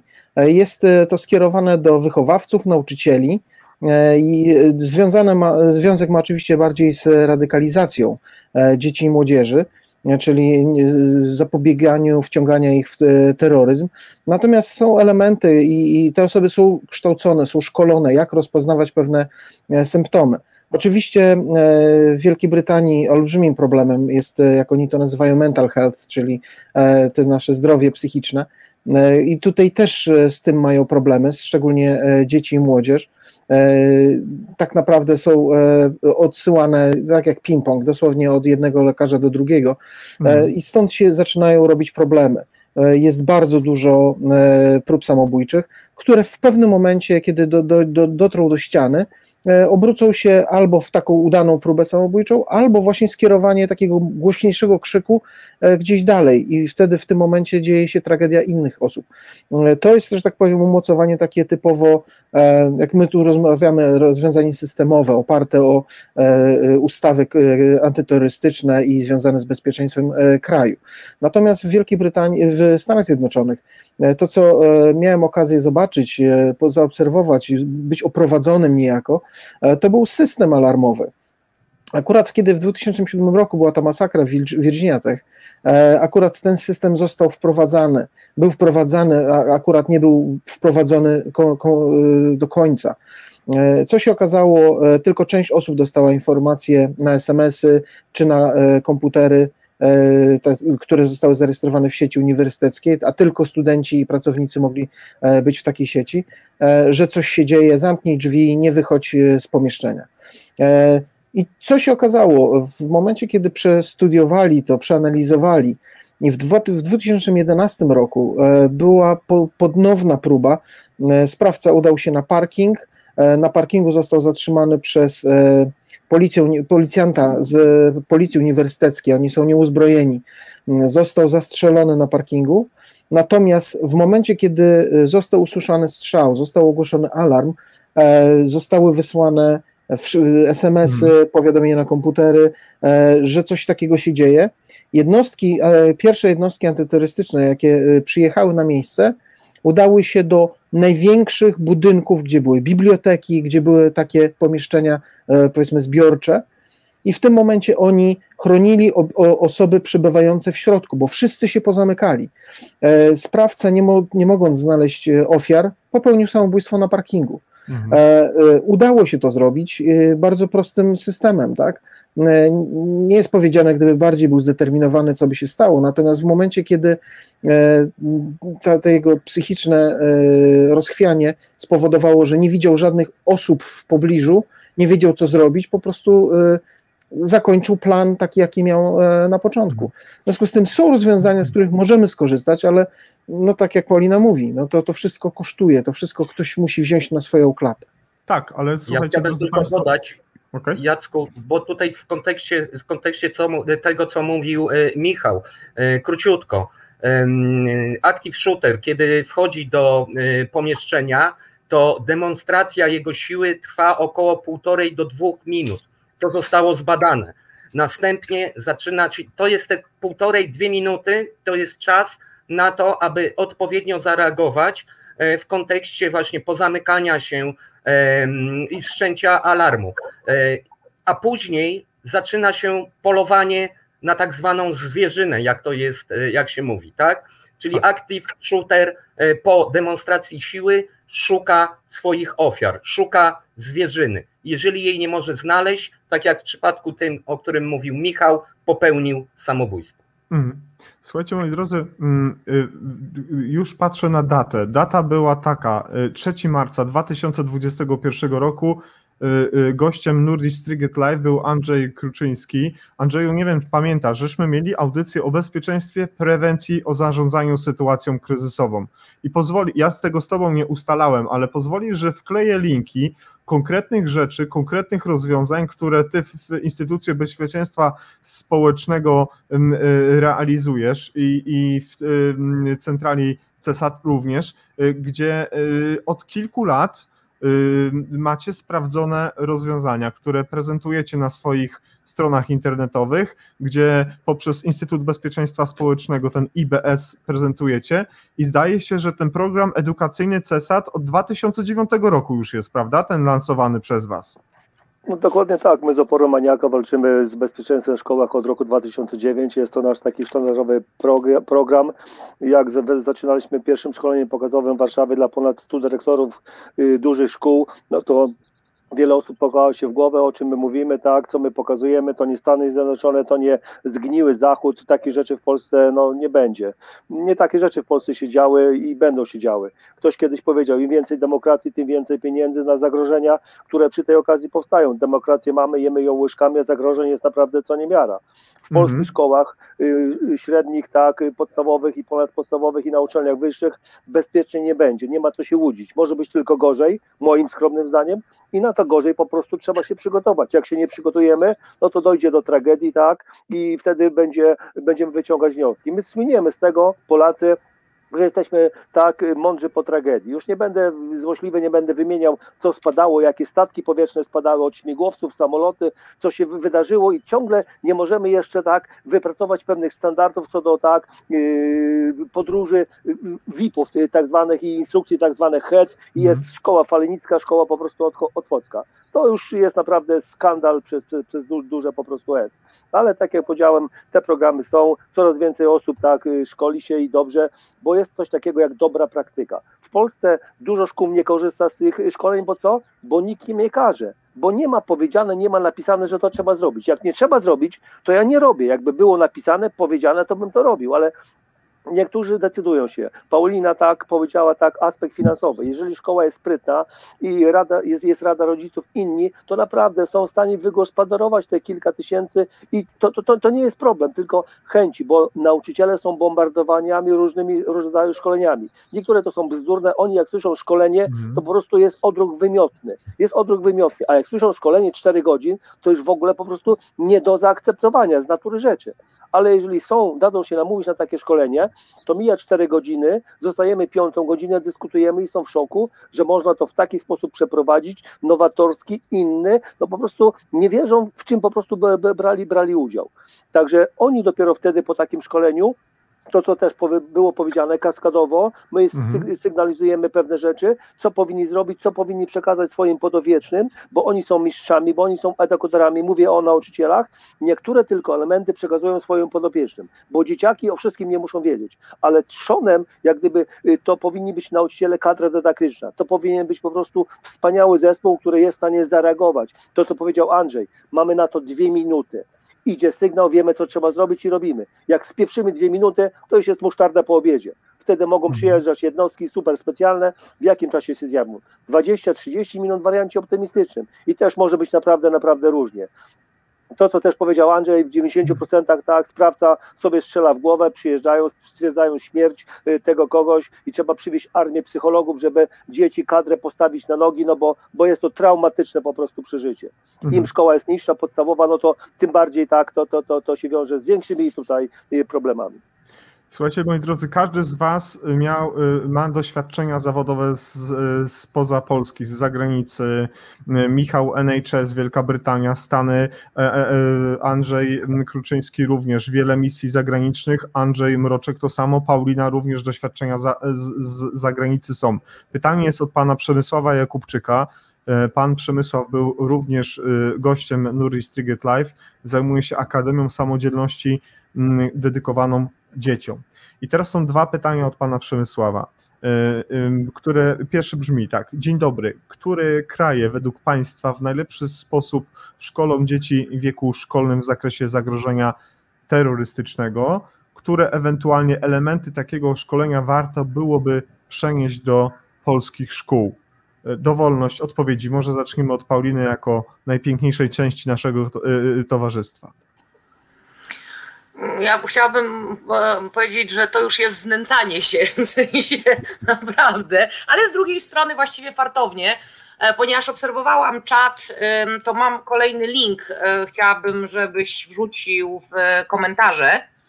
To jest jedno z takich najbardziej charakterystycznych zdjęć ze strzelaniny w Sandy Hook. Można je bezpiecznie otwierać, tam nic się nie dzieje na tym zdjęciu strasznego to jest zdjęcie, które pokazuje ewakuację dzieci ze szkoły. To jest taka mm, bardzo charakterystyczny sposób wychodzenia, taki sposób wychodzenia dzieci ze szkoły, w którym one się trzymają za ramiona. Każde dziecko trzyma poprzednie za ramiona, pierwsze dziecko w kolejce trzyma panią albo pana nauczyciela za biodra. I to jest jakby, zaczynam od tego nie po to, żeby opowiedzieć o tym konkretnym sposobie ewakuacji, tylko o tym, że należałoby zacząć od mówienia o tym, że do szkolenia do bezpieczeństwa nie muszą być traumą, bo ten sposób, którego dzieci się uczą, tutaj ta ciuchcia, którą e, widać na zdjęciu, jeżeli je Państwo sobie otworzą, chociaż właściwie ja to nie wiem, chyba mogłabym, jakby ktoś nie mógł, czy ja mogę spróbować podzielić się ekranem? E, tak, oczywiście. Tak, oczywiście. Nie, ja nie wiem, co robię, ponieważ ja nie znam tego narzędzia, w związku z tym, uwaga, ale zdjęcie wygląda tak. Czy je widać? Już y, zajmuję się tym w tym momencie, żeby za chwilkę było je widać. Proszę o, wy, o wyrozumiałość. Dosłownie w kilka chwil. E, dobrze, tutaj jesteśmy. Mam. O, jest. Cia. O. Więc jak Państwo widzą, to jest taki um, klasyczny, ten chłopiec z przodu stoi niedobrze, natomiast widzą Państwo tą taką kolejkę, która to kolejka z kolei jest. Um, o mój Boże, ja bym się już zatrzymać udostępnianie, bo tu się straszne rzeczy dzieją w związku z tym. To jest taka kolejka, która jest ćwiczona normalnie z dziećmi od naprawdę takich młodych lat, które polegają na tym, że dzieci się po prostu bawią z panią w ciuchcie. Dzieci znają sygnał, na który mają e, ustawić się w ciuchcie. Wszyscy wiedzą, w jakiej kolejności się ustawiają, i pani mówi czuczu i wyjeżdżają z, um, z sali. I to jest sposób, w sensie ja rozumiem, że nie wszystko da się w ten sposób przećwiczyć, ale to jest moja odpowiedź częściowo również na drugie pytanie mm, pana Przemysława, czyli e, pytanie o to, od kiedy można szkolić na temat zagrożenia terrorystycznego. To w ogromnej mierze zależy od tego, w jaki sposób do tych szkoleń podejdziemy i ile uda nam się w takim szkoleniu przekazać informacji zabawowo, ile uda nam się przekazać tych informacji w taki sposób, żeby budować poczucie bezpieczeństwa, a nie poczucie zagrożenia bo to jest ogromnie ważne, żeby to szkolenie z bezpieczeństwa rzeczywiście dawało poczucie bezpieczeństwa, a nie budowało przekonanie, że o mój Boże, w sensie jak mnie szkolą, to na pewno zaraz ktoś przyjdzie i mnie zje. E, I drugi przykład to jest przykład z kolei, bo to jest taki klasycznie amerykański przykład. Drugi przykład to jest przykład z Japonii. Oni tam mają zupełnie inne, co prawda, zagrożenia, ale oni też szkolą dzieci od takiego naprawdę bardzo malutkiego karakana, szkolą je do tego, jak się zachować w czasie trzęsień ziemi. Dzieci mhm. są szkolone w taki sposób, że do szkół przywożone są ruchome platformy, na których ustawiane są stoliki. Dzieci są uczone tego, że jak się zaczynają wstrząsy sejsmiczne, w wypadku ruchomej platformy po prostu się zaczyna ruszać platforma pod, przymocowana do stolika, to dzieci wiedzą, że mają zanurkować i dzieci reagują wtedy tak naprawdę instynktownie, bo to jest pewnie jedna z najistotniejszych rzeczy, które musimy powiedzieć. Nie po to policjantów, nie po to żołnierzy szkolimy do tego, żeby myśląc cały czas racjonalnie, jednocześnie mieli odruch reagowania w pewnych konkretnych sytuacjach, żeby byli w stanie pokonać panikę, żeby byli w stanie pokonać lęk, żebyśmy zapominali o tym w wypadku tych osób, które mogą stać się ofiarami ataku terrorystycznego. Oni to się dopiero boją. Hmm. I oni dopiero muszą mieć jakby na trwałe wpisane um, to, jak się zachować w sytuacji zagrożenia. Odnośnie wieku jeszcze, może Andrzej Mroczek?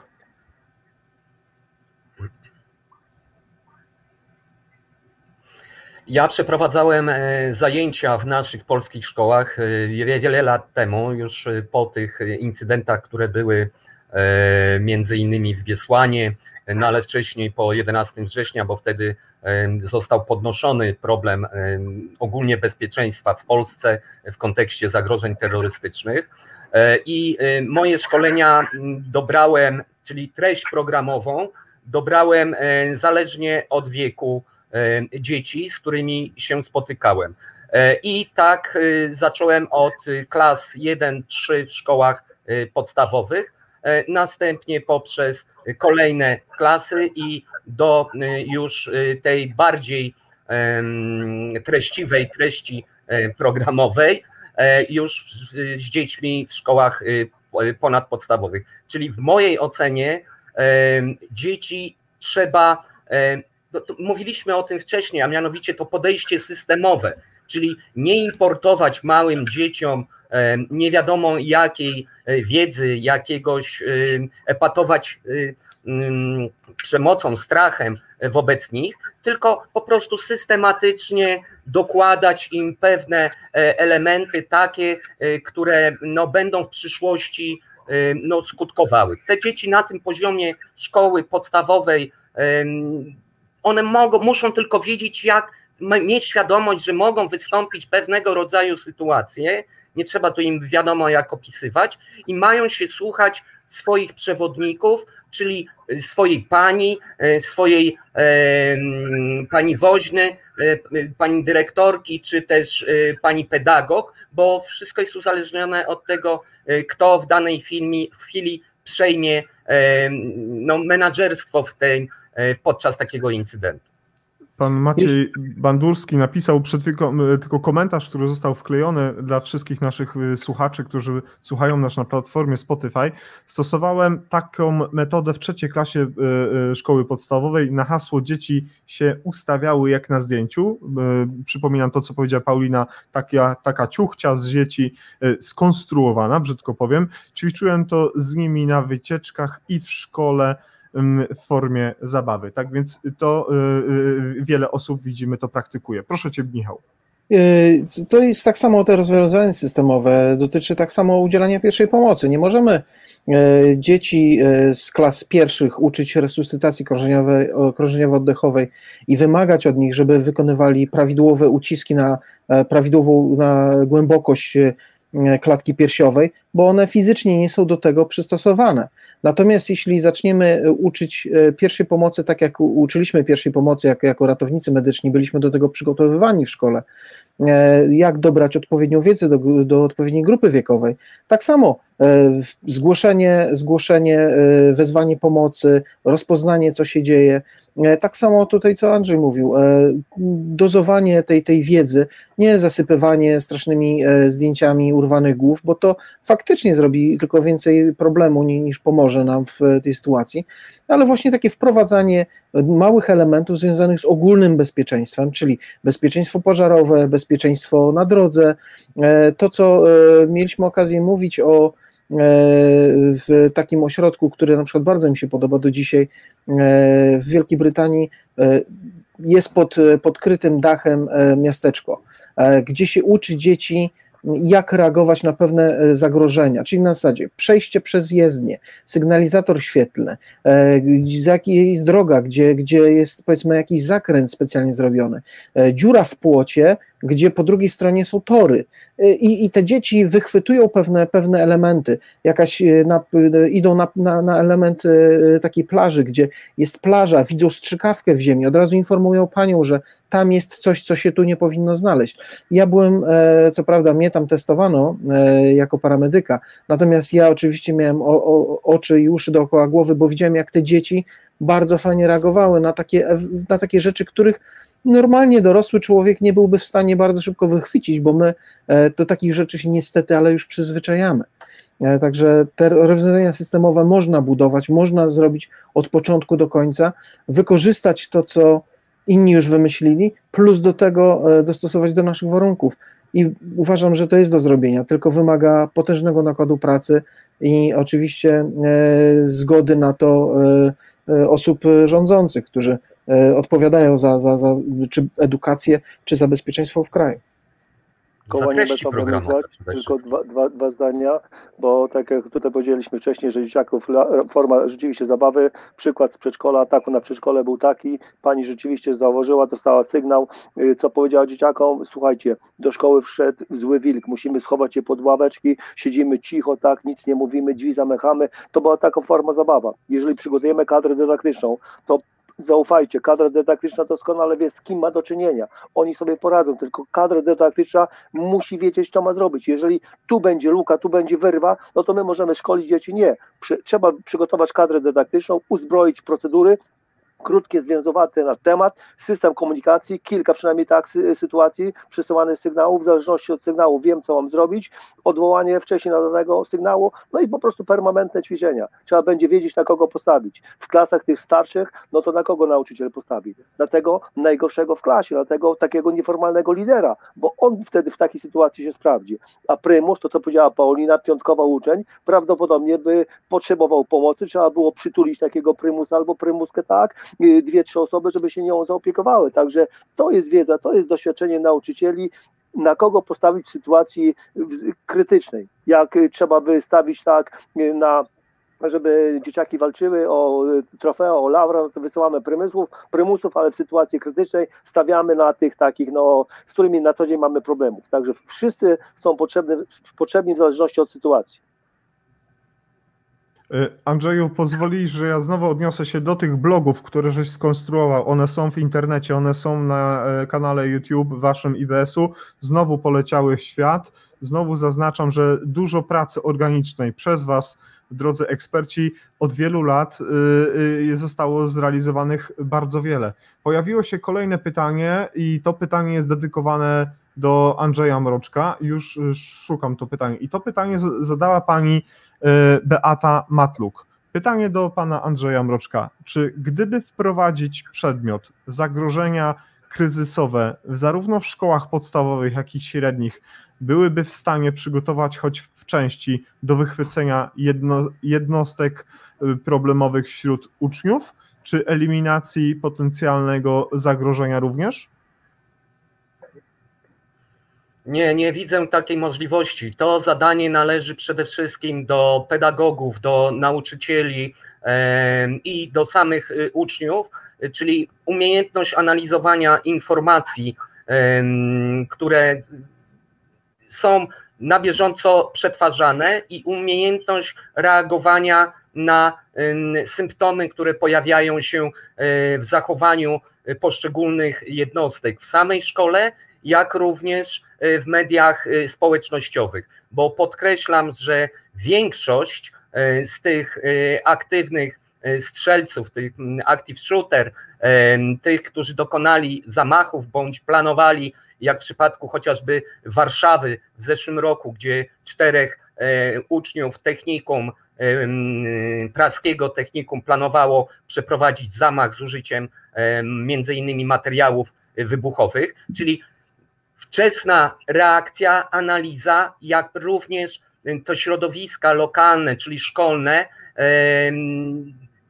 no, powinny być e, osoby odpowiedzialne za zbieranie, analizowanie informacji, jeżeli chodzi o potencjalne zagrożenia e, ukierunkowane ze strony, e, ze strony konkretnej, konkretnej jednostki. Ale nie możemy tak jednoznacznie na podstawie wprowadzenia przedmiotu, e, wyciągać później wniosków, jak ktoś reaguje na tych e, podczas zajęć, e, na takiej lekcji i wyciągać wniosku co do jego osobowości w kontekście potencjalnego zagrożenia no tutaj omawianego tutaj przez nas Active Shooter. Okej. Okay. E, adwocem chciałabym powiedzieć, że tak jak podobnie jak Andrzej, protestowałabym e, przeciwko wprowadzaniu takiego nastroju permanentnej inwigilacji uczniów przez uczniów, bo oni nie są do tego ani przygotowani. Jeszcze dzieci są bardzo często okrutne, znacznie okrutniejsze niż dorośli. Nie dlatego, że są złe, tylko dlatego, że jeszcze no, nie nastąpiła pełna internalizacja wszystkich norm społecznych, bo się proces socjalizacji zwyczajnie nie zakończył. Natomiast e, mogłoby być całkiem niezłym pomysłem wprowadzenie elementów związanych z, ja nie wiem, czy da się uczyć empatii w szkole, ale jakby doskonale wiemy, że całkiem sporo tych kryzysów, który, o których rozmawiamy, to są kryzysy, które zostały wywołane przez presję społeczną. Bardzo często nie presję społeczną pod tytułem chciałbym mieć lepsze. Um, o, to jest, słuchajcie, genialny filmik, szanowni państwo. Jeżeli macie chwilę, żeby go obejrzeć, to um, tylko musicie się skupić państwo na tym filmiku przez chwilę.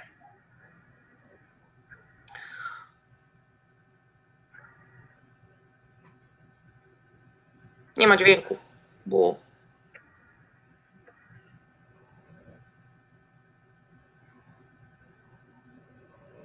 To wrzuć może link e, tak, żeby. Tak, można go.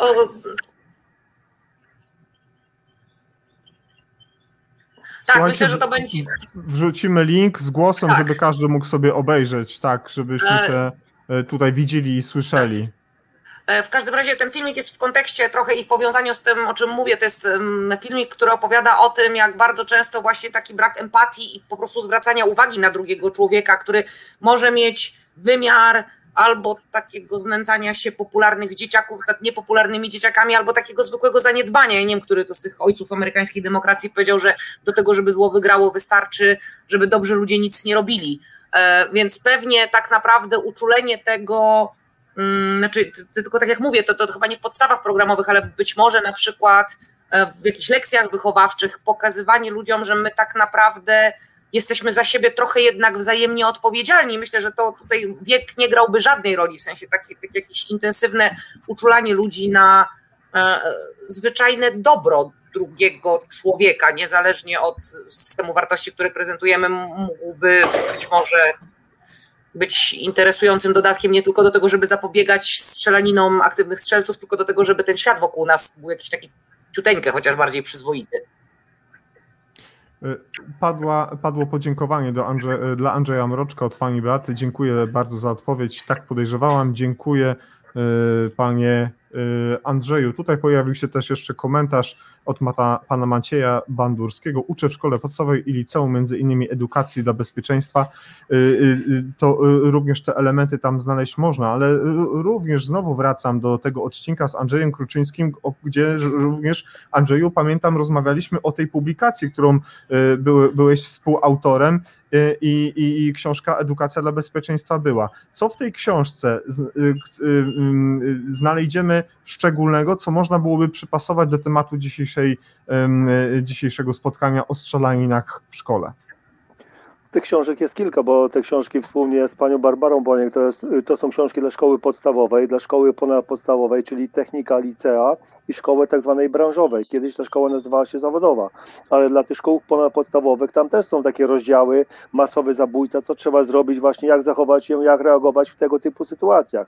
No gdyby jeszcze nie szanowni recenzenci, którzy powycinali dużo z, z, z, z tego niestety podręcznika, no bo nie przystoi, bo XXI wiek, to, to, to, to, to, to on by wyglądał zupełnie, zupełnie inaczej, ale trzeba mówić, tylko te podręczniki są całkiem niezłe, bo połowa tej, tego podręcznika to jest oczywiście tak zagrożenie, bezpieczeństwo, druga połowa to są oczywiście tak pierwsza pomoc, bo to idzie w parze od tego, jak gdyby nie, uciek, nie uciekniemy, tylko chodzi o jakość wykładowców, jakość nauczycieli. Jeżeli są rzeczywiście pasjonaci, czują ten temat, angażują się w ten temat, to te zajęcia można przeprowadzić naprawdę w fantastyczny sposób ale jeżeli ktoś chce to zrobić na zasadzie jakiejś prezentacji, wyświetlić dwa, trzy slajdy, zadać jakieś tematy do tak, y, odrabiania w domu, no to rzeczywiście to, to jest troszeczkę słabo. Także kadra, nauczyciele od EDB no powinni być rzeczywiście pasjonatami. Tak jak mówimy na przykład o nauczycielach z WF-u, ja sobie nie obrażam, żeby ktoś nie był po AWF-ie, kto, kto nie ma na,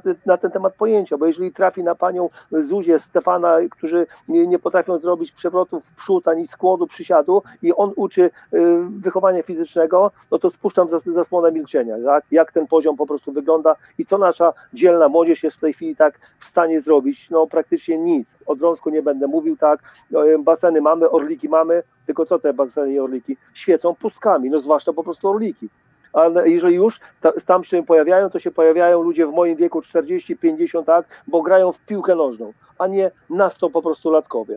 Mhm. Y, rozmawiałem z Michałem. Michał już po części udzielił na to, na to może pytanie, y, y, mm, może sam już wtrącił w jedną wypowiedź odnośnie przykładów brytyjskich. Pytanie do Michała i do każdego z Was, jeśli chodzi o Wasze doświadczenia międzynarodowe. Czy sposób przygotowania dzieci w szkołach, młodzieży, młodzieży akademickiej w Polsce, w Wielkiej Brytanii, w Stanach jest wszędzie taki sam? Czy one się różnią od siebie? A jeżeli tak, to czym? No powiem tak, e, myślę, że poziom młodzieży troszkę jest tutaj bardziej e, wyczulony. Ta lampka sygnalizacyjna u nich trochę działa inaczej niż e, młodzieży w Polsce. W, bodajże w ubiegłym roku mieliśmy tutaj sytuację w, moim, w mojej okolicy, gdzie normalnie jest bardzo spokojna okolica. Mieliśmy atak nożownika, tak? I to był atak o charakterze terrorystycznym na ludzi przebywającym e, w parku. Tu są parki ogólnie dostępne, można sobie przyjść z kocykiem, rozłożyć kocyk i spędzać miło czas, e, sobie e, bardzo fajnie spędzać naprawdę ten czas, nie myśląc o zagrożeniach. No i wpada ktoś do parku, ktoś zaczyna dźgać nożem.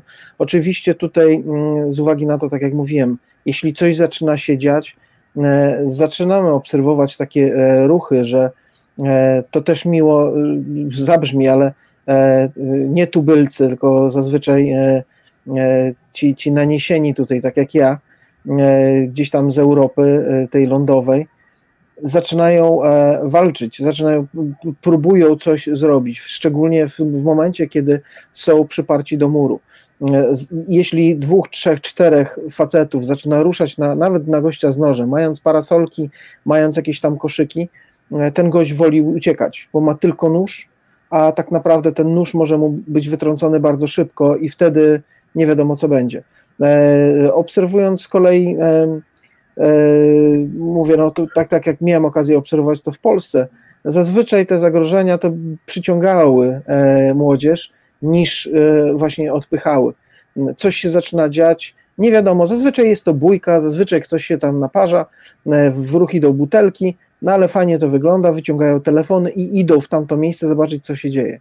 E, to kiedyś ktoś e, e, powiedział na jednym z wykładów, już nie pamiętam kto, ale czym się różnimy od między innymi Stanów Zjednoczonych, jak jest strzelanina, że tam wszyscy wbiegają do, do mieszkania z balkonu i chowają się właśnie pod stoły, za szafy, gdzieś tam, gdzie tylko można, a w Polsce wybiegają na balkon zobaczyć, co się dzieje. No i tutaj to, co na przykład z Wielkiej, z Wielkiej Brytanii, coś. Słuchajcie, czym to jest spowodowane, ten konkretny przykład, który ty teraz, Michał, podałeś, bo on jest cenny, bardzo cenny z punktu widzenia, y, no właśnie, i psychologii, i zarządzania, i antyterrorysty. Y, czym to jest spowodowane?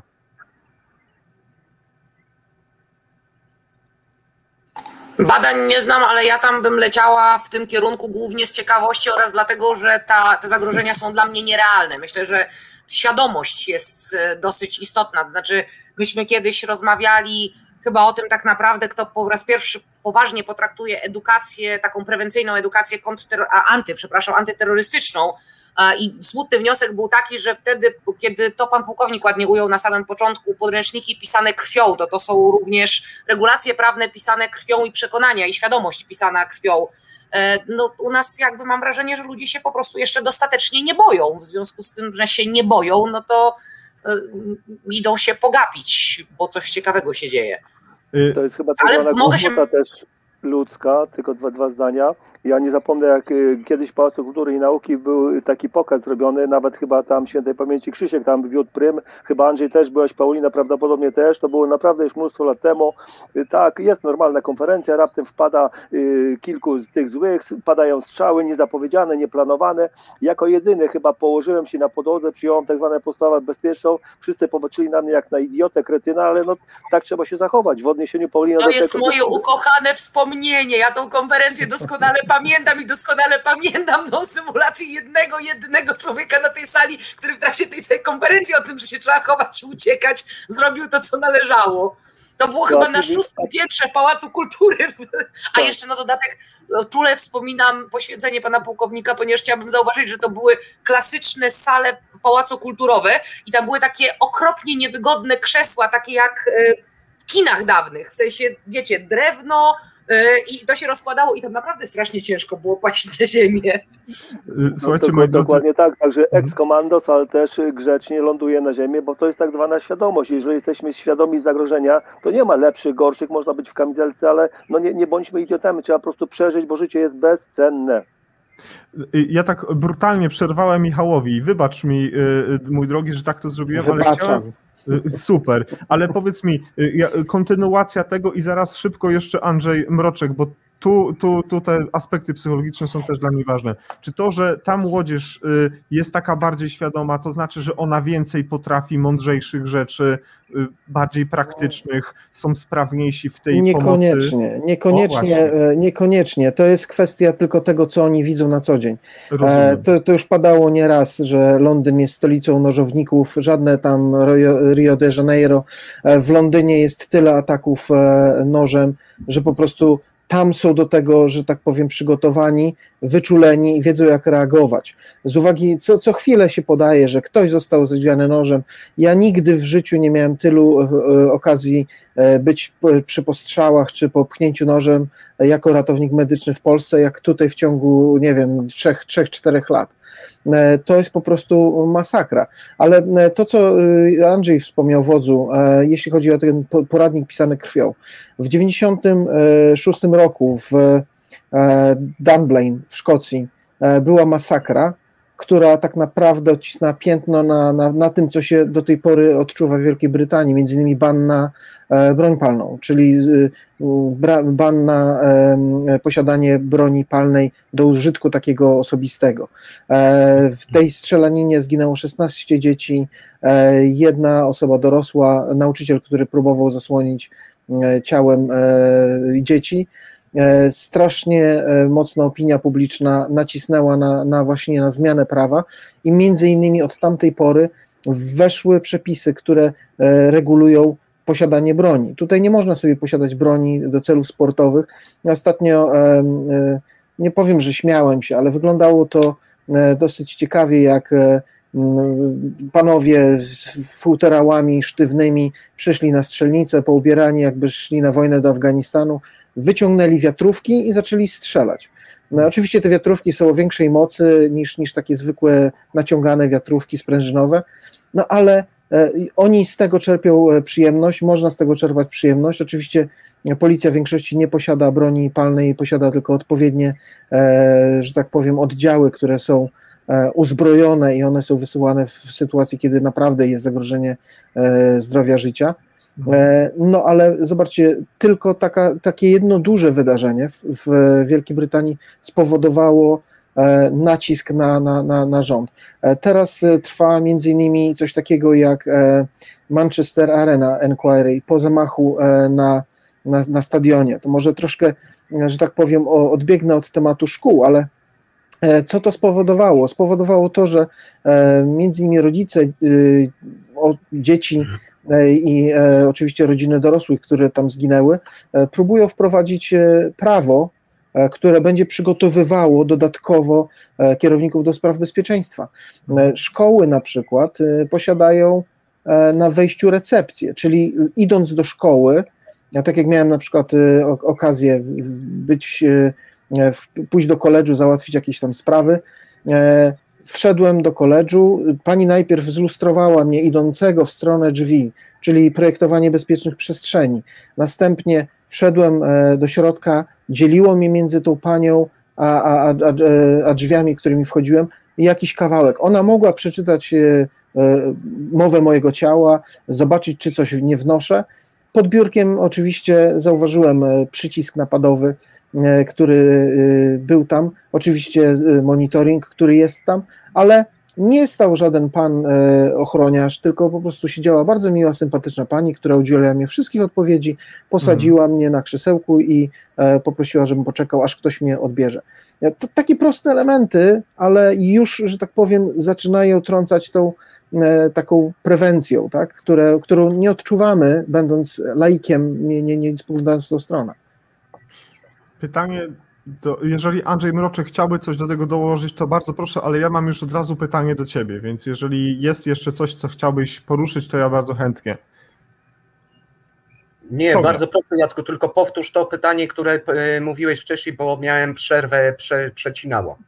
To znaczy, y, y, myślę, że już wszystko akurat w tej kwestii wiem. Ja mam dla Ciebie zarezerwowane to pytanie o tej mikroekspresji. Gdybyś mógł naszym widzom, słuchaczom powiedzieć, y, jeżeli to tylko możliwe, bo ja się łapię na tym, że czym głębiej w las, tym tych drzew rzeczywiście jest bardzo dużo. I kiedyś jednym z webinarów, które prowadziła Paulina, kiedy żeśmy, ja słuchałem, jak daleko polecieli ci eksperci, to ja nie wiedziałem, co się dzieje, czy oni, czy oni już są bardzo daleko, a, a, a właśnie wspomniany wcześniej pan dyrektor powiedział, że to jest tak naprawdę jedna setna tego, co, co, co, co jest naszą y, y, tematem spotkania. Czym jest ta mikroekspresja i dlaczego tej mikroekspresji nie doświadczymy, czy nie uświadczymy w strzelaninach w szkołach? I, i dlaczego ona jest taka ważna?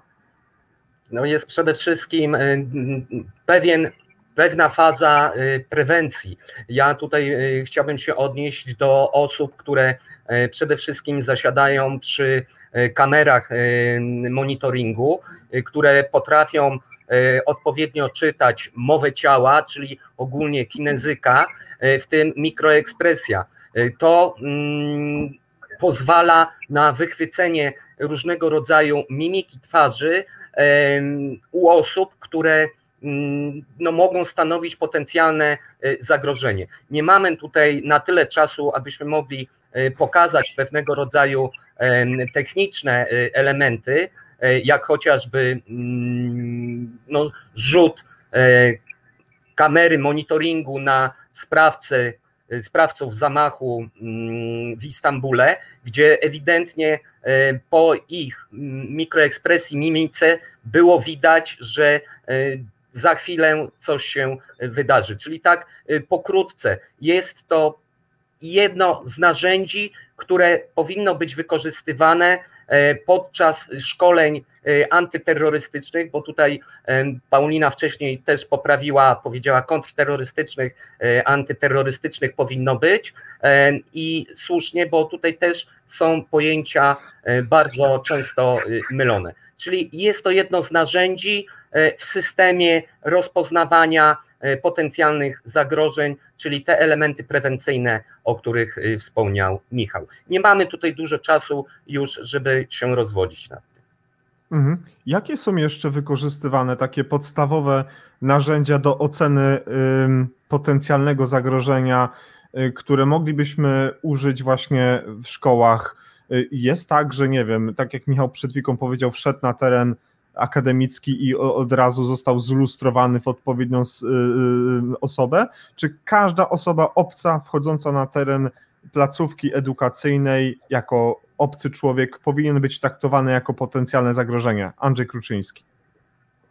No oczywiście trzeba tak y, mieć y, jakiś tak sposób, tak, y, kto może na teren szkoły przyjść, jeśli nawet będą osoby postronne, bo na pewno takiej sytuacji nie unikniemy, no to ten tak zwany gabinet dyrektora też powinien być bardzo blisko drzwi wejściowych, czyli idzie momentalnie tak, skręca 5 metrów w prawo i jest w gabinecie dyrektora, jakaś ala, ala poczekalnia, żeby nie musiał się włóczyć tak po korytarzach, wchodzić na jakieś piętra odpowiednio wyżej, no bo to już jest rzeczywiście wtedy trochę słabo ta, te procedury bezpieczeństwa. Michał wspominał tak zwany pilot napadowy, dobry monitoring, tak, bazujemy na agencji ochrony, nie na policji z całym szacunkiem, bo policja ma mnóstwo rzeczy do, na, na głowie, ale pierwszym takim naturalnym partnerem to powinna być agencja ochrony. Oczywiście też tą umowę trzeba doprecyzować, trzeba im dać zakres obowiązków, co mają robić, jak mają reagować, trzeba ich też do tego po prostu przygotować, przyszkolić, trzeba ich wymusić do szybkiego po prostu reagowania. No jest naprawdę mnóstwo rzeczy. Trzeba przeszkolić mhm. swoich ludzi, nie tylko nauczycieli, ale może taką specgrupę,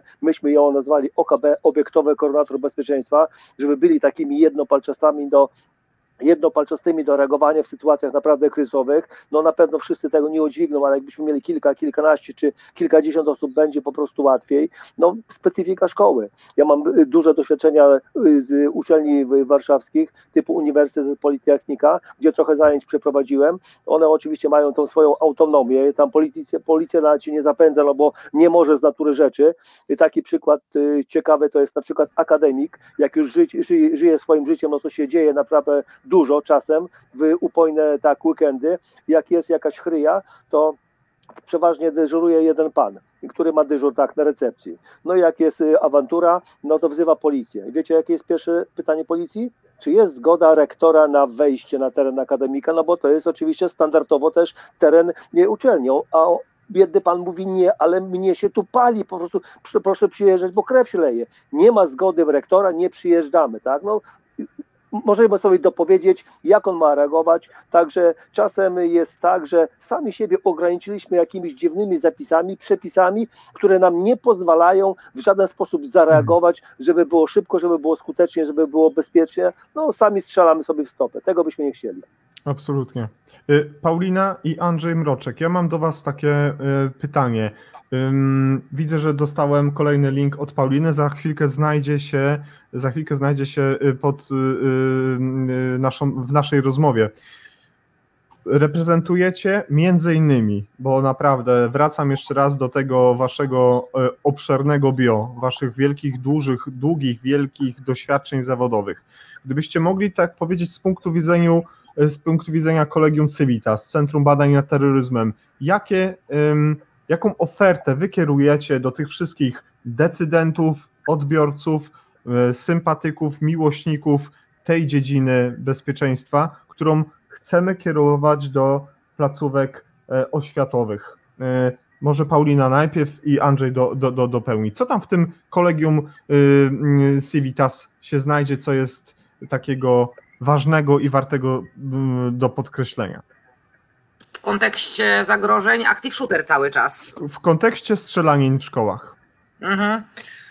Um, znaczy nasza oferta się, to, to, trochę się zmienia, że tak powiem, natomiast my, jeżeli chodzi o tego rodzaju zagrożenia, jedną z najważniejszych rzeczy, które robimy, są cały czas studia podyplomowe, to znaczy mamy studia podyplomowe z zakresu terroryzmu i zagrożeń hybrydowych, które są zbudowane w dosyć specyficzny sposób, to znaczy one zawierają wstęp, który jest taki bardzo teoretyczny i potem na różne rodzaje zagrożeń, z którymi można się zetknąć w miejscach publicznych, w tym, co Michał słusznie określił mianem celów miękkich, bo przecież nie tylko szkoły są celami miękkimi, właściwie prawie wszystko to, co nie jest infrastrukturą krytyczną, jest celem miękkim, więc składają się właśnie z takich bardzo praktycznych modułów reagowanie na zagrożenie strony aktywnego strzelca, pierwsza pomoc, reagowanie w sytuacji jakichś rozmaitych zagrożeń i to jest chyba takie coś, co jest dosyć kompleksową ofertą, która dosyć często nomen omen korzystają z niej nauczyciele ku naszemu zaskoczeniu. Okazuje się, że terroryzm i zagrożenia hybrydowe przychodzą do nas, chociaż bardzo często przychodzą funkcjonariusze rozmaitych służb oraz żołnierze, to przychodzą również nauczyciele. E, mieliśmy nawet kiedyś takie studia podyplomowe, które się w ogóle nazywały edukacja, edukacja i świadomość w bezpieczeństwie antyterrorystycznym.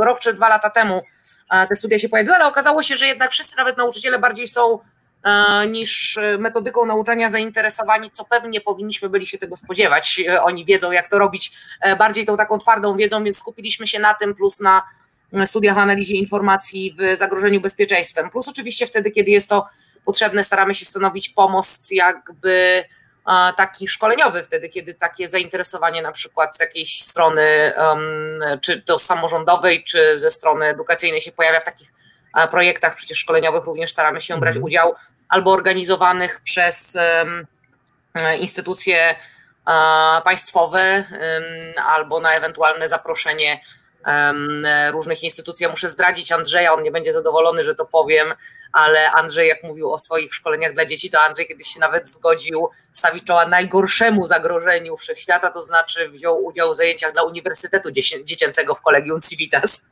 o zagrożeniach dla bezpieczeństwa. Ja jak widziałam dzieci z Uniwersytetu Dziecięcego, to miałam ochotę uciekać, gdzie pieprz rośnie, bo to jest strasznie bezlitosna e, publika, więc e, także takie inicjatywy się dzieją w kolegium. Andrzej Mroczek? No, rzeczywiście grupy docelowe były bardzo wymagające, muszę przyznać. E, pytania i, i różnego rodzaju mm, postrzeganie pewnego, pewnych e, mm, sytuacji, o których rozmawialiśmy, e, były bardzo szczególne. Ja chciałbym tutaj uzupełnić, że oprócz, oprócz tego, co Paulina powiedziała, to mamy taki projekt, każdy jest zasobem AT czyli w ramach tego projektu jest tam wycinek, który dotyczy między innymi przygotowania się na potencjalne zagrożenia ze strony Active Shooter. I no tak gwoli uzupełnienia. Mhm. Mam takie pytanie teraz, bardzo mm, filozoficzne do mm, Andrzeja Kruczyńskiego. Andrzeju, wyobraź sobie, że musisz się wcielić e, w rolę dyrektora szkoły. Masz nieograniczone środki do tego, żeby Twoją placówkę przygotować wzorcowo, do tego, żeby zarówno uczniowie, pracownicy e, i nauczyciele, żeby nie pominąć absolutnie nikogo, wszyscy w takiej szkole, przeszkolić ich, przygotować w narzędzia, y, które zminimalizują ryzyko wystąpienia takiego, takiej strzelaniny i zmniejszą konsekwencje wszelkich takich zdarzeń. Jak to byś chciał sobie tak pojechać grubo po temacie?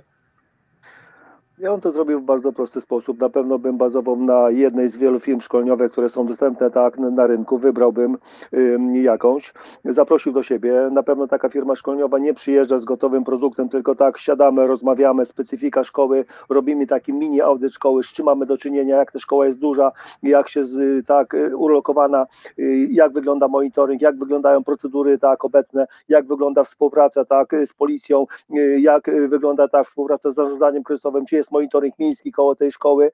Dopiero po takim przygotowaniu, po incydentach, y, które tak analizujemy na przestrzeni ostatnich kilku lat w szkole, które, które miały miejsce, y, przygotujemy tak program.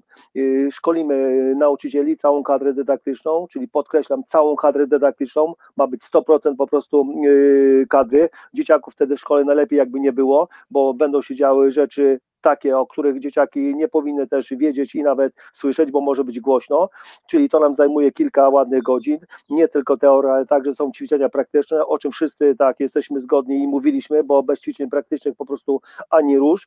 Trenujemy takie rzeczy jak na przykład agresja, pewne procedury, pewne standardy, trenujemy takie rzeczy jak ten tak zwany masowy y, zabójca, czy nawet też y, y, ewakuację. Korzystamy tak y, z kamerą, nagrywamy pewne sceny na kamerę, analizujemy. Trzeba wtedy dać kadrze kilka dni, żeby prze, przetrawili to, co usłyszeli, zobaczyli i wtedy rzeczywiście tak modyfikujemy nasze procedury, które na 100% będą do zmodyfikowania i dajemy sobie czas na wdrożenie tych procedur. Najlepiej to zrobić przed 1 września, czyli nie startujemy z, ze szkoleniami po rozpoczęciu roku szkolnego, bo daliśmy sobie wejść na głowę i doszliśmy do wniosku trzech tygodniach, że nam się wymknęło spod kontroli. Szkoły powinny być przygotowane przed rozpoczęciem roku szkolnego na pewne schematy, pewne standardy działania przepraszam za określenie, mhm. ale zamortyzm jest od samego początku. To my dyktujemy warunki. Jest stare powiedzenie, które mówi, wszystko co się dzieje u mnie, w mojej szkole, jak byłbym dyrektorem, to ma się dziać na moich zasadach jeżeli ktokolwiek te zasady łamie, czy rodzic, czy uczeń, no po prostu dostaje żółtkę, a czasem nawet czerwoną kartkę, no tutaj litości nie ma, bo jeżeli mhm. tak nie będziemy działać, no nie będzie to tak wyglądało, no to, to sorry, to się po prostu wymknie spod, spod kontroli, także tak to powinno wyglądać. Po kilku miesiącach może też jest rzeczywiście taki powrót do klasy, powtórne szkolenie, i te po prostu permanentne ćwiczenia. Kadra przeszkolona, moja, yy, nauczyciela, dydaktyczna trenerzy mają wskazać, jakie elementy ja, jako nauczyciel, poszczególni nauczycieli mamy przeszkolić, przygotować moje klasy. Czy to będą szkoły 1-3, mhm. klasy 1-3, czy to będzie przedszkole, czy to będą klasy starsze. Z klasami starszymi możemy rozmawiać bardziej poważnie, możemy nażywać rzeczy po prostu po imieniu, no bo tam kitu im nie będziemy po prostu wciskać. Także tak bym to y, zrobił z takimi elementami ćwiczeń praktycznymi, jak y, tak, y, zamykamy się w klasie, tworzymy azyl, tworzymy barykadę, używamy ławki, krzesła, inaczej będziemy używać tą barykadę w, w sali gimnastycznej, inaczej w klasie, a mm, inaczej w klasie mm. chemicznej, gdzie też nie możemy nic zrobić, tylko się zamknąć. No mnóstwo jest, jest tematów, ale na pewno podjąłbym rękawice, bo jest czym wybierać. Znowu odwołam wszystkich widzów i słuchaczy do tych materiałów, które wraz z IBS-em e, e, przygotowałeś i z, z waszymi zespołami e, współpracującymi. I to samo pytanie również chciałbym zadać Michałowi. Jak Michał, jako paramedyk, jako ratownik, jako ratownik taktyczny, zrealizowałeś kilkaset szkoleń w kraju, za granicą z zakresu udzielania pierwszej pomocy, pomocy w sytuacjach urazowych, ratownictwa taktycznego dla jednostek specjalnych, wojska, policji i tak dalej, i tak dalej, tego jest mnóstwo. Jaki twój jest idealny świat y, y, paramedyka, który zderza się strzelaniną w szkołach? Nie słyszymy Cię, Michał. Przepraszam, że jestem. Przede wszystkim kwestia współpracy z, raz ze służbami i przede wszystkim administracją obiektu, czyli szkoły, tak? Zakładam, że dana szkoła ma plan ewakuacji. Zakładam, że to, co się będzie działo w momencie, kiedy służby, tu już mówimy o służbach odpowiedzialnych za utrzymanie porządku, czyli typowo kontrterrorystyczne, wejdą i, i zrobią porządek. My dopiero wtedy będziemy musieli tam wejść i zacząć działać. Także w warunkach polskich jest to jeszcze nie usankcjonowane, że, że można współpracować wspólnie z policją. No niestety jest jest to możliwe, natomiast znowu rozwiązanie systemowe, bardzo duże nakłady na szkolenia i przede wszystkim sprzęt balistyczny. E, w Wielkiej Brytanii, w Stanach Zjednoczonych, e, w Norwegii już e, są takie rozwiązania, gdzie możemy wejść do strefy ciepłej, czyli tam, gdzie panuje względne bezpieczeństwo, ale też pamiętajmy o tym, że to są dalej dzieci, to, to jest dalej młodzież, która nie była przy, przygotowana na takie zdarzenia. E, my też nie jesteśmy przygotowani i przyzwyczajeni do tego, że e, mamy zdarzenie masowe z udziałem tak bardzo dużej ilości e, młodych ludzi czy dzieci. I to też, że tak powiem, odbiega od normy. Dlatego to, co ten mój idealny taki, taka wizja tego, tego działania ratowniczego, przede wszystkim szkolenia, współpraca, E, na takim porządku dziennym z innymi służbami, czyli wspólny język, no i przede wszystkim w momencie, kiedy e, zaczynamy działać na danym obiekcie, e, również też fajnie by było otrzymać jakąś informację od, tak jak wspomniałem, administratora i jednocześnie zapewnić mu wsparcie, bo on też będzie tego wsparcia potrzebował. Mhm. Mam takie pytanie, które tutaj się pojawiło jeszcze y, y, w naszym scenariuszu i to pytanie kierujemy do Pauliny i do, Andrzeja e, Mroczka. Czy powinniśmy nagłaśniać tego typu sytuacje związane ze strzelaniną w szkołach? Czy opinia publiczna może, powinna wiedzieć, co się dzieje w takich sytuacjach, czy po takich zdarzeniach?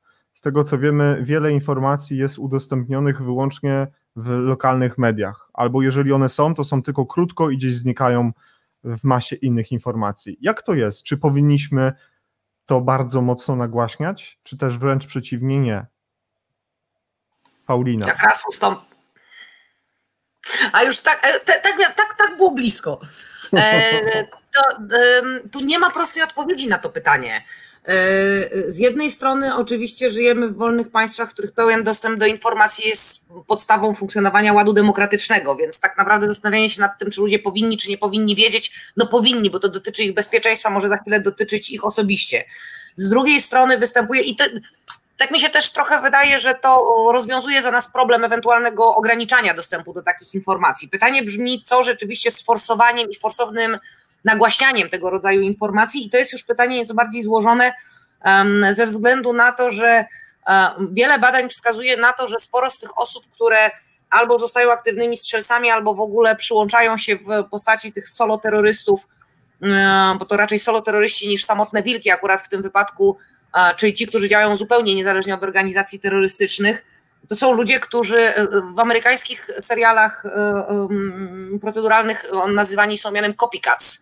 W sensie to są ludzie, którzy po prostu widzą, jak dużo się mówi o sprawcach takich zdarzeń i w związku z tym rodzi się w nich też czasami taka potrzeba właśnie, że też będę słynny trochę jak ten gość, co podobno e, z tego względu e, podpalił Bibliotekę Aleksandryjską. W związku z tym e, jakby no, to, jest, to jest trudne pytanie. Z jednej strony ludzie powinni mieć świadomość zagrożeń, z drugiej strony musimy mieć świadomość tego, że do tego jest i tylko do tego by były znowu, ja wiem, że ja to powtarzam jak zaklęcie, te rozwiązania systemowe, ale do tego też by była potrzebna pewna określona współpraca z mediami, którym oczywiście nie możemy zakładać kagańca, ale które możemy namawiać w ramach współpracy publiczno-prywatnej do tego, żeby zachowywały się tak jak na przykład jedna z najbardziej szanowanych telewizji na świecie, czyli BBC, które to mhm. BBC posiada wewnętrzny kodeks E, etyczny mówienia o e, zdarzeniach e, z użyciem przemocy, gdzie tak naprawdę dziennikarze się uczy tego, jak opowiadać o tego rodzaju zdarzeniach, żeby zapewnić dostęp do informacji, a jednocześnie nie tworzyć z tego takiego dziennikarstwa nagrobnego, takiego, takiego hienowatego i jednocześnie skandalizująco straszącego. Mhm. Andrzej Mroczek? No, czyli tak mnie tutaj uzupełnię Paulinkę, czyli y, epatowania krwią, y, brutalnością i y, tego typu sytuacjami. Jak najbardziej taki kodeks. Co prawda nasze stacje telewizyjne już od dłuższego czasu no, doszły do takiego poziomu rzeczywiście, no, jeżeli mówimy o kodeksie, takiego poziomu, który pozwala na wyważenie przekazu informacyjnego. Ja tutaj mm, również powiem, powiem tyle, że przede wszystkim nie jesteśmy w stanie zatrzymać w żaden sposób informacji, e, które mają do, e, do przekazania e, normalnie obywatele, społeczeństwo za pośrednictwem mediów y, społecznościowych, no bo jak teraz wygląda telewizja, y, czy komercyjna, czy państwowa, y, która blokuje przekazanie informacji na temat jakiegoś zdarzenia, natomiast bezpośrednio z takiego miejsca są wrzucane do różnych mediów społecznościowych bezpośrednie relacje, informacje, no to mm, no coś coś tutaj no, by nie grało, jeżeli chodzi o zaufanie do mediów, tych y, dużych mediów komercyjnych i państwowych ze strony społeczeństwa. Jedynym, jedyną taką moją uwagą jest to, że e, są incydenty, które nie powinny być bezpośrednio e, przekazywane mm, na wizji, tak? E, czyli powinny być przekazywane z jakimś opóźnieniem. To są przede wszystkim e, sytuacje, kiedy mamy do czynienia no właśnie między innymi z Active Shooter i ta sytuacja jest dynamiczna, rozwija się, e, do tego dochodzi już sytuacja zakładnicza i tu wskazane jest, wskazana jest wstrzemięźliwość w kontekście przekazu na wizji, czyli żeby nie przekazywać w czasie rzeczywistym. To jest istotne y, z punktu widzenia y, właściwego, y, właściwego rozwiązania sytuacji kryzysowej, taktyki i bezpieczeństwa samych policjantów czy też operatorów innych służb. Czyli mam rozumieć, że pewne pokazywanie rzeczy na żywo może być taką szkołą życia dla przyszłych w przyszłości mm, osób, które chciałyby się poddać takiemu e, precedensowi, czy to jest kwestia tego, że zdradzamy pewne tajniki postępowania służb na miejscu? Jak to rozumieć? To chodzi przede wszystkim o bezpieczeństwo osób, które y, są uczestnikami y, tej sytuacji, jak również dla bezpieczeństwa osób, y, które uczestniczyli, funkcjonariuszy policji czy też jednostek specjalnych. Dobrze. Pytanie y, y, praktycznie już ostatnie w tym na, na naszym spotkaniu. Y, ja wcześniej pytałem Andrzeja, jak wygląda ten idealny świat dyrektora. To teraz powiem jeszcze, czy on się będzie różnił od idealnego świata dowódcy takiej akcji wejścia do takiej szkoły. Y, co tutaj jest bardzo ważnego dla, dla Ciebie, dla dowodzącego z, z żołnierzami, operatorami, którzy wchodzą, czy to są policjanci, czy to, są, czy to są żołnierze, z punktu widzenia jakby tego, co Wy chcielibyście, mm, czego może nie żądacie, ale co dla Was byłoby bardzo ważne z punktu widzenia przygotowania takich placówek. Jeszcze więcej, co nie było powiedziane wcześniej.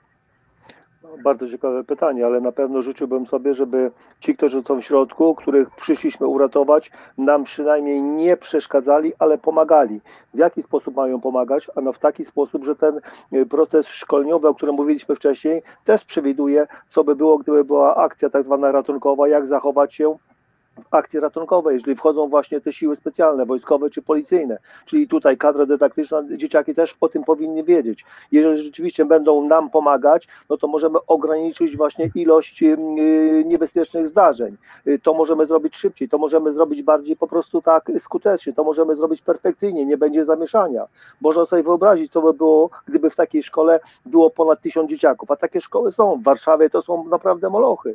Ile osób tam, y, tych żołnierzy sił specjalnych specjalnych czy policjantów byłoby potrzebne. Nie pięciu, nie dziesięciu, bo nie byliby w stanie zrobić nic, tylko by trzeba było prawdopodobnie połączyć siły skrzyknąć, tak, naprawdę kilka oddziałów z różnych tutaj miast i uaktywnić jednostkę, tak, legendarną wojskową, która na szczęście już na terytorium Polski może działać. Oby niby nie było tego typu sytuacji, mhm. ale to naprawdę operacja nie jest prosta, zwłaszcza gdy mówimy o dzieciakach, o y, osobach niepełnoletnich, to jest dodatkowa y, trudność. Trzeba działać naprawdę perfekcyjnie to nie byłyby standardy wschodnie, to co Michał mówił, tak, nie byłoby użycia gazu, innych rzeczy, tylko to trzeba zrobić naprawdę perfekcyjnie w białych e, rękawiczkach, przy jak najmniejszym, tak, tutaj takim aspekcie, tak, psychologicznym, bo później można się z tego podnosić długie tygodnie, a nawet miesiące. Paulina, krótkie pytanie. Czy placówki oświatowe w Polsce mają możliwość kontaktowania się bezpośrednio z jakimiś urzędami administracji publicznej, a wiem, że masz dużo doświadczenie z tej dziedziny, które będą takim pośrednikiem w procesie legislacyjnym do zmiany tych wszystkich rzeczy, o których wy dzisiaj tutaj mówiliście. Mam wrażenie, że ponieważ szkolnictwo w Polsce jest państwowe, no to przede wszystkim przez kuratoria oświatowe, które mhm. sprawują nadzór i tak naprawdę teoretycznie to ministerstwo My teraz chyba mamy jakieś połączone ministerstwo wszystkiego już, jeżeli chodzi o edukację, więc sądzę, że tu może wystąpić pewien problem z nad... No, tak, a poza tym problem z nadmiarem szczytnych inicjatyw, które jednocześnie hmm. realizujemy, jeżeli chodzi o ten połączony resort. Natomiast ja myślę, że to nie jest e, problem. Problemem jest raczej to, że um, no, cały czas rozmawiamy o tym i to podnosili ten wątek różni uczestniczy tego spotkania. My żyjemy w świecie, w którym e, ja nie sądzę, żeby to było tak, że będzie rzeczywiście jakaś oddolna inicjatywa pod tytułem zróbcie coś, żebyśmy byli bardziej bezpieczni, bo nie sądzę, żeby to się wydawało hmm. E, nauczycielom priorytetem. Myślę, że gdybyśmy poszli do tych nauczycieli e, i zapytali ich o to, jakie oni największe zagrożenia widzą, to pewnie by zaczęli od dopalaczy łamane przez inne prochy, potem pewnie by powiedzieli coś o cyberbullyingu, potem by być może coś powiedzieli na temat okrojonych mocno kompetencji społecznych, które się mogą przeradzać w agresję i ten aktywny strzelec to jest takie coś, co jest na szczęście, jakby dziękujmy Panu Bogu za to, albo jakiejkolwiek dowolnej sile wyższej, w którą ktoś wierzy. Um, jest na tyle egzotycznym zjawiskiem, że szansa na to, że tutaj będzie taka inicjatywa oddolna, jest moim zdaniem niezwykle ograniczona. To, to, ta to rola edukacyjna, między innymi ta, o której wspomina cały czas pan pułkownik, to podnoszenie świadomości, um, jakieś lobbowanie na rzecz zwiększenia tej świadomości, to jest jedyne, co tu może coś zmienić, bo ja mhm. nie sądzę, żeby aktywny strzelec pozostawał na liście priorytetów zagrożeń um, u jakiegokolwiek dyrektora obecnego szkoły. Z wyjątkiem być może tego z Zielonej Góry. No tak, bo, no bo najpierw y, takie powiedzenie jest y, słynne, że uczymy się, znaczy Polak mądry po szkodzie. To może to chciałem powiedzieć. Szkoda tylko, że, że no doprowadzamy do skrajnych sytuacji, które już rzeczywiście w rzeczywistości muszą być okupione osobami rannymi czy zabitymi. W tym momencie będę Was poprosił, żebyście y, zastanowili się nad podsumowaniem naszego dzisiejszego spotkania, a ja w tym czasie chciałbym zaprezentować Wam mały prezent w każde nasze wydarzenie w Nordic Triget Live jest opatrzone ilustracją graficzną, którą przygotowuje nasz zaprzyjaźniony e, rysownik Mike z Górskiej Chaty. Tak się zwie ten e, jegomość, który rysuje, ilustruje wydarzenia, które dzieją się w naszym w naszym Nordic Triget Live i one są pokazywane z, może nie z przymrużeniem oka, ale troszeczkę inaczej e, pokazywane właśnie przez tego naszego rysownika. Zwróćcie proszę uwagę na tą piękną grafikę. Mam nadzieję, że, że, że, że widać ją dobrze. Czy, czy wszyscy ją widzicie? Tak. Tak jest, bardzo fajna Brawo. grafika. Y, to jest prezent, który, który idzie do Was. To jest prezent, który z pewnością. Y,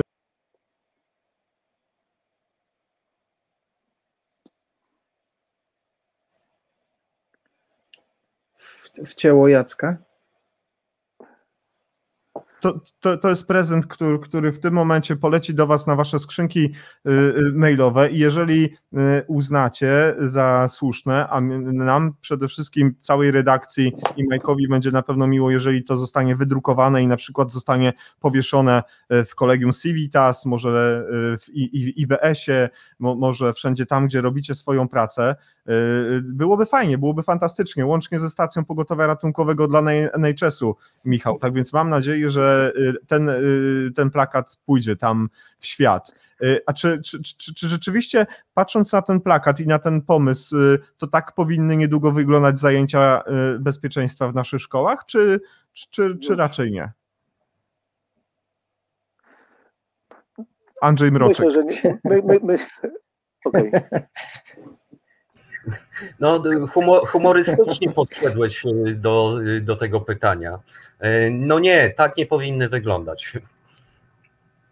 Andrzej Kruczyński. Bo, ja powiem tak, edukacja, edukacja, jeszcze raz edukacja, może nie, nie, nie w takiej formule, ale, ale edukujemy, przygotujemy się tak na, na te złe czasy, oby nigdy nie przyszły, a nawet jak nigdy nie przyjdą, to nie będzie to czas stracony, tak, yy, tylko to, to, to będzie służyło naszym tu pewnym przemyśleniom. Mhm. E, Andrzej Mroczyk, ja przerwałem, nie powinno tak być, bo jaki argument? bo powinno to się odbywać tak jak wcześniej żeśmy wspominali y, i moi tutaj goście, którzy są razem ze mną, e, a mianowicie przede wszystkim e, powinno być to systemowe, e, osoby, które powinny tym się zajmować, czyli kształcić młodzież, to powinny być nauczyciele, którzy mają przygotowanie w tym zakresie.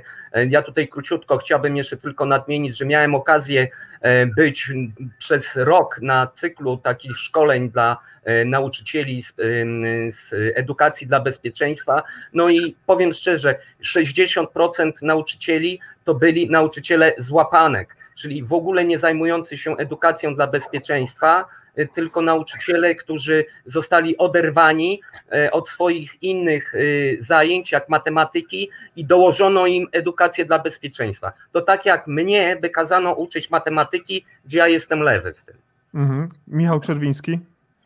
No zdecydowanie nie. Jeśli e, zajęcia jakiekolwiek w, w, kasku czy w hełmie, tylko rowerowym. E, no i tak jak wspomniał e, Andrzej, systematycznie e, zacząć od początku uczyć. Oczywiście musimy mieć przede wszystkim kim to robić, także no tutaj wielki ukłon w waszą stronę, bo wy się tym zajmujecie akurat w Polsce. Ja trzymam kciuki i jak mogę, będę wspierał. Paulina? Nie, bo jedyne co dziecko powinno wiedzieć o strzelaniu to to, że ma się, w jaki sposób ma się przed nim schować, ponieważ ta, ten kawałek wiedzy mu jest niepotrzebny, e, a chyba cały czas rozmawiamy o tym, że co prawda oczywiście musimy budować wiedzę i świadomość i umiejętności, ale akurat jeżeli chodzi o przygotowanie na tego rodzaju zagrożenia jak e, aktywny strzelec, to ta świadomościowo-umiejętnościowa część, wiedza rzeczywiście jak zareagować, a nie na czym polega teoria przebiegu tego um, potencjalnego ataku się liczy. Mhm. Ekstra. Jeszcze raz bardzo dziękujemy za, za, za pracę, którą e, wy, wykonał nasz MyGraphic. Uprzejmie jesteśmy, znaczy jesteśmy bardzo zadowoleni, że nasze odcinki po pierwsze mają możliwość y, przyciągać takich wspaniałych gości jak wasze dzisiaj osoby oraz możemy tworzyć pewną taką y, graficzną oprawę tego wszystkiego, bo to, co się dzisiaj nagrało, będzie dostępne na naszym kanale YouTube, na naszym profilu Nuri Striget, będzie to też dostępne na Facebooku i będzie to też również dostępne na platformie podcastowej, która zwie się Spotify. Y, to chyba tylko tyle dzisiaj pytań w naszym scenariuszu. Y, ja chciałbym w tym momencie oficjalnie poprosić zarówno Paulinę i Andrzeja, żeby w którymś dogodnym dla Was czasie, żebyście dali się już zaprosić y, one by one na spotkanie w Nurdistriget, żebyśmy mogli porozmawiać o bezpieczeństwie, żeby to cała masa trudnych pytań była kierowana już bezpośrednio do, do, do zarówno Ciebie, Paulino i Andrzeju. Mam nadzieję, że tak oficjalnie mi nie odmówicie na antenie. Nie, nie, my oficjalnie nie, zrobimy jak CNN. CNN no comments. Jak najbardziej. Dziękujemy za zaproszenie. Kwestia jest tylko zgrania y, terminów y, i y, konkretnej tematyki. Andrzej Kruczyński. Słyszeli wszyscy, że on się zgłosił na ochotnika, prawda? W sensie mam świadków i to będzie nagrane. A, a, a, Andrzeju, i, ty już jesteś po, po, raz kolejny z nami w Nurri Striget Live, ale ja jestem przekonany, że to nie było e, ostatnie spotkanie. Liczę na więcej. Bardzo chciałem Tobie podziękować za to, że poświęciłeś dzisiaj swój czas. Ciężko dzisiaj pracowałeś w tym swoim pięknym miejscu, gdzie nas dzisiaj ugościłeś, a teraz odpoczywasz. Mam nadzieję, że miło spędziłeś z nami czas i liczę na to, że znowu się spotkamy.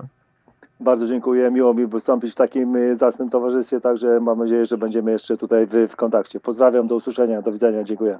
Dzięki. Michał Czerwiński, bardzo Tobie y, chciałem podziękować za przygotowanie dzisiejszej audycji i też dziękuję za to, że, że zasiadłeś tutaj w loży eksperckiej, gdzie, gdzie udało się wyciągnąć też troszeczkę od Ciebie e, i też drogą podsumowania jako, jako, jako scenarzysta chciałbym, żebyś się odniósł jeszcze na zakończenie w dwóch zdaniach do naszych gości. Ja się y, odniosę w dwóch wyrazach. Padły tu uwłaczające i znęcanie, czyli uwłaczające znęcanie to do mnie, Paulino, także bardzo Wam serdecznie dziękuję za przyjęcie zaproszenia.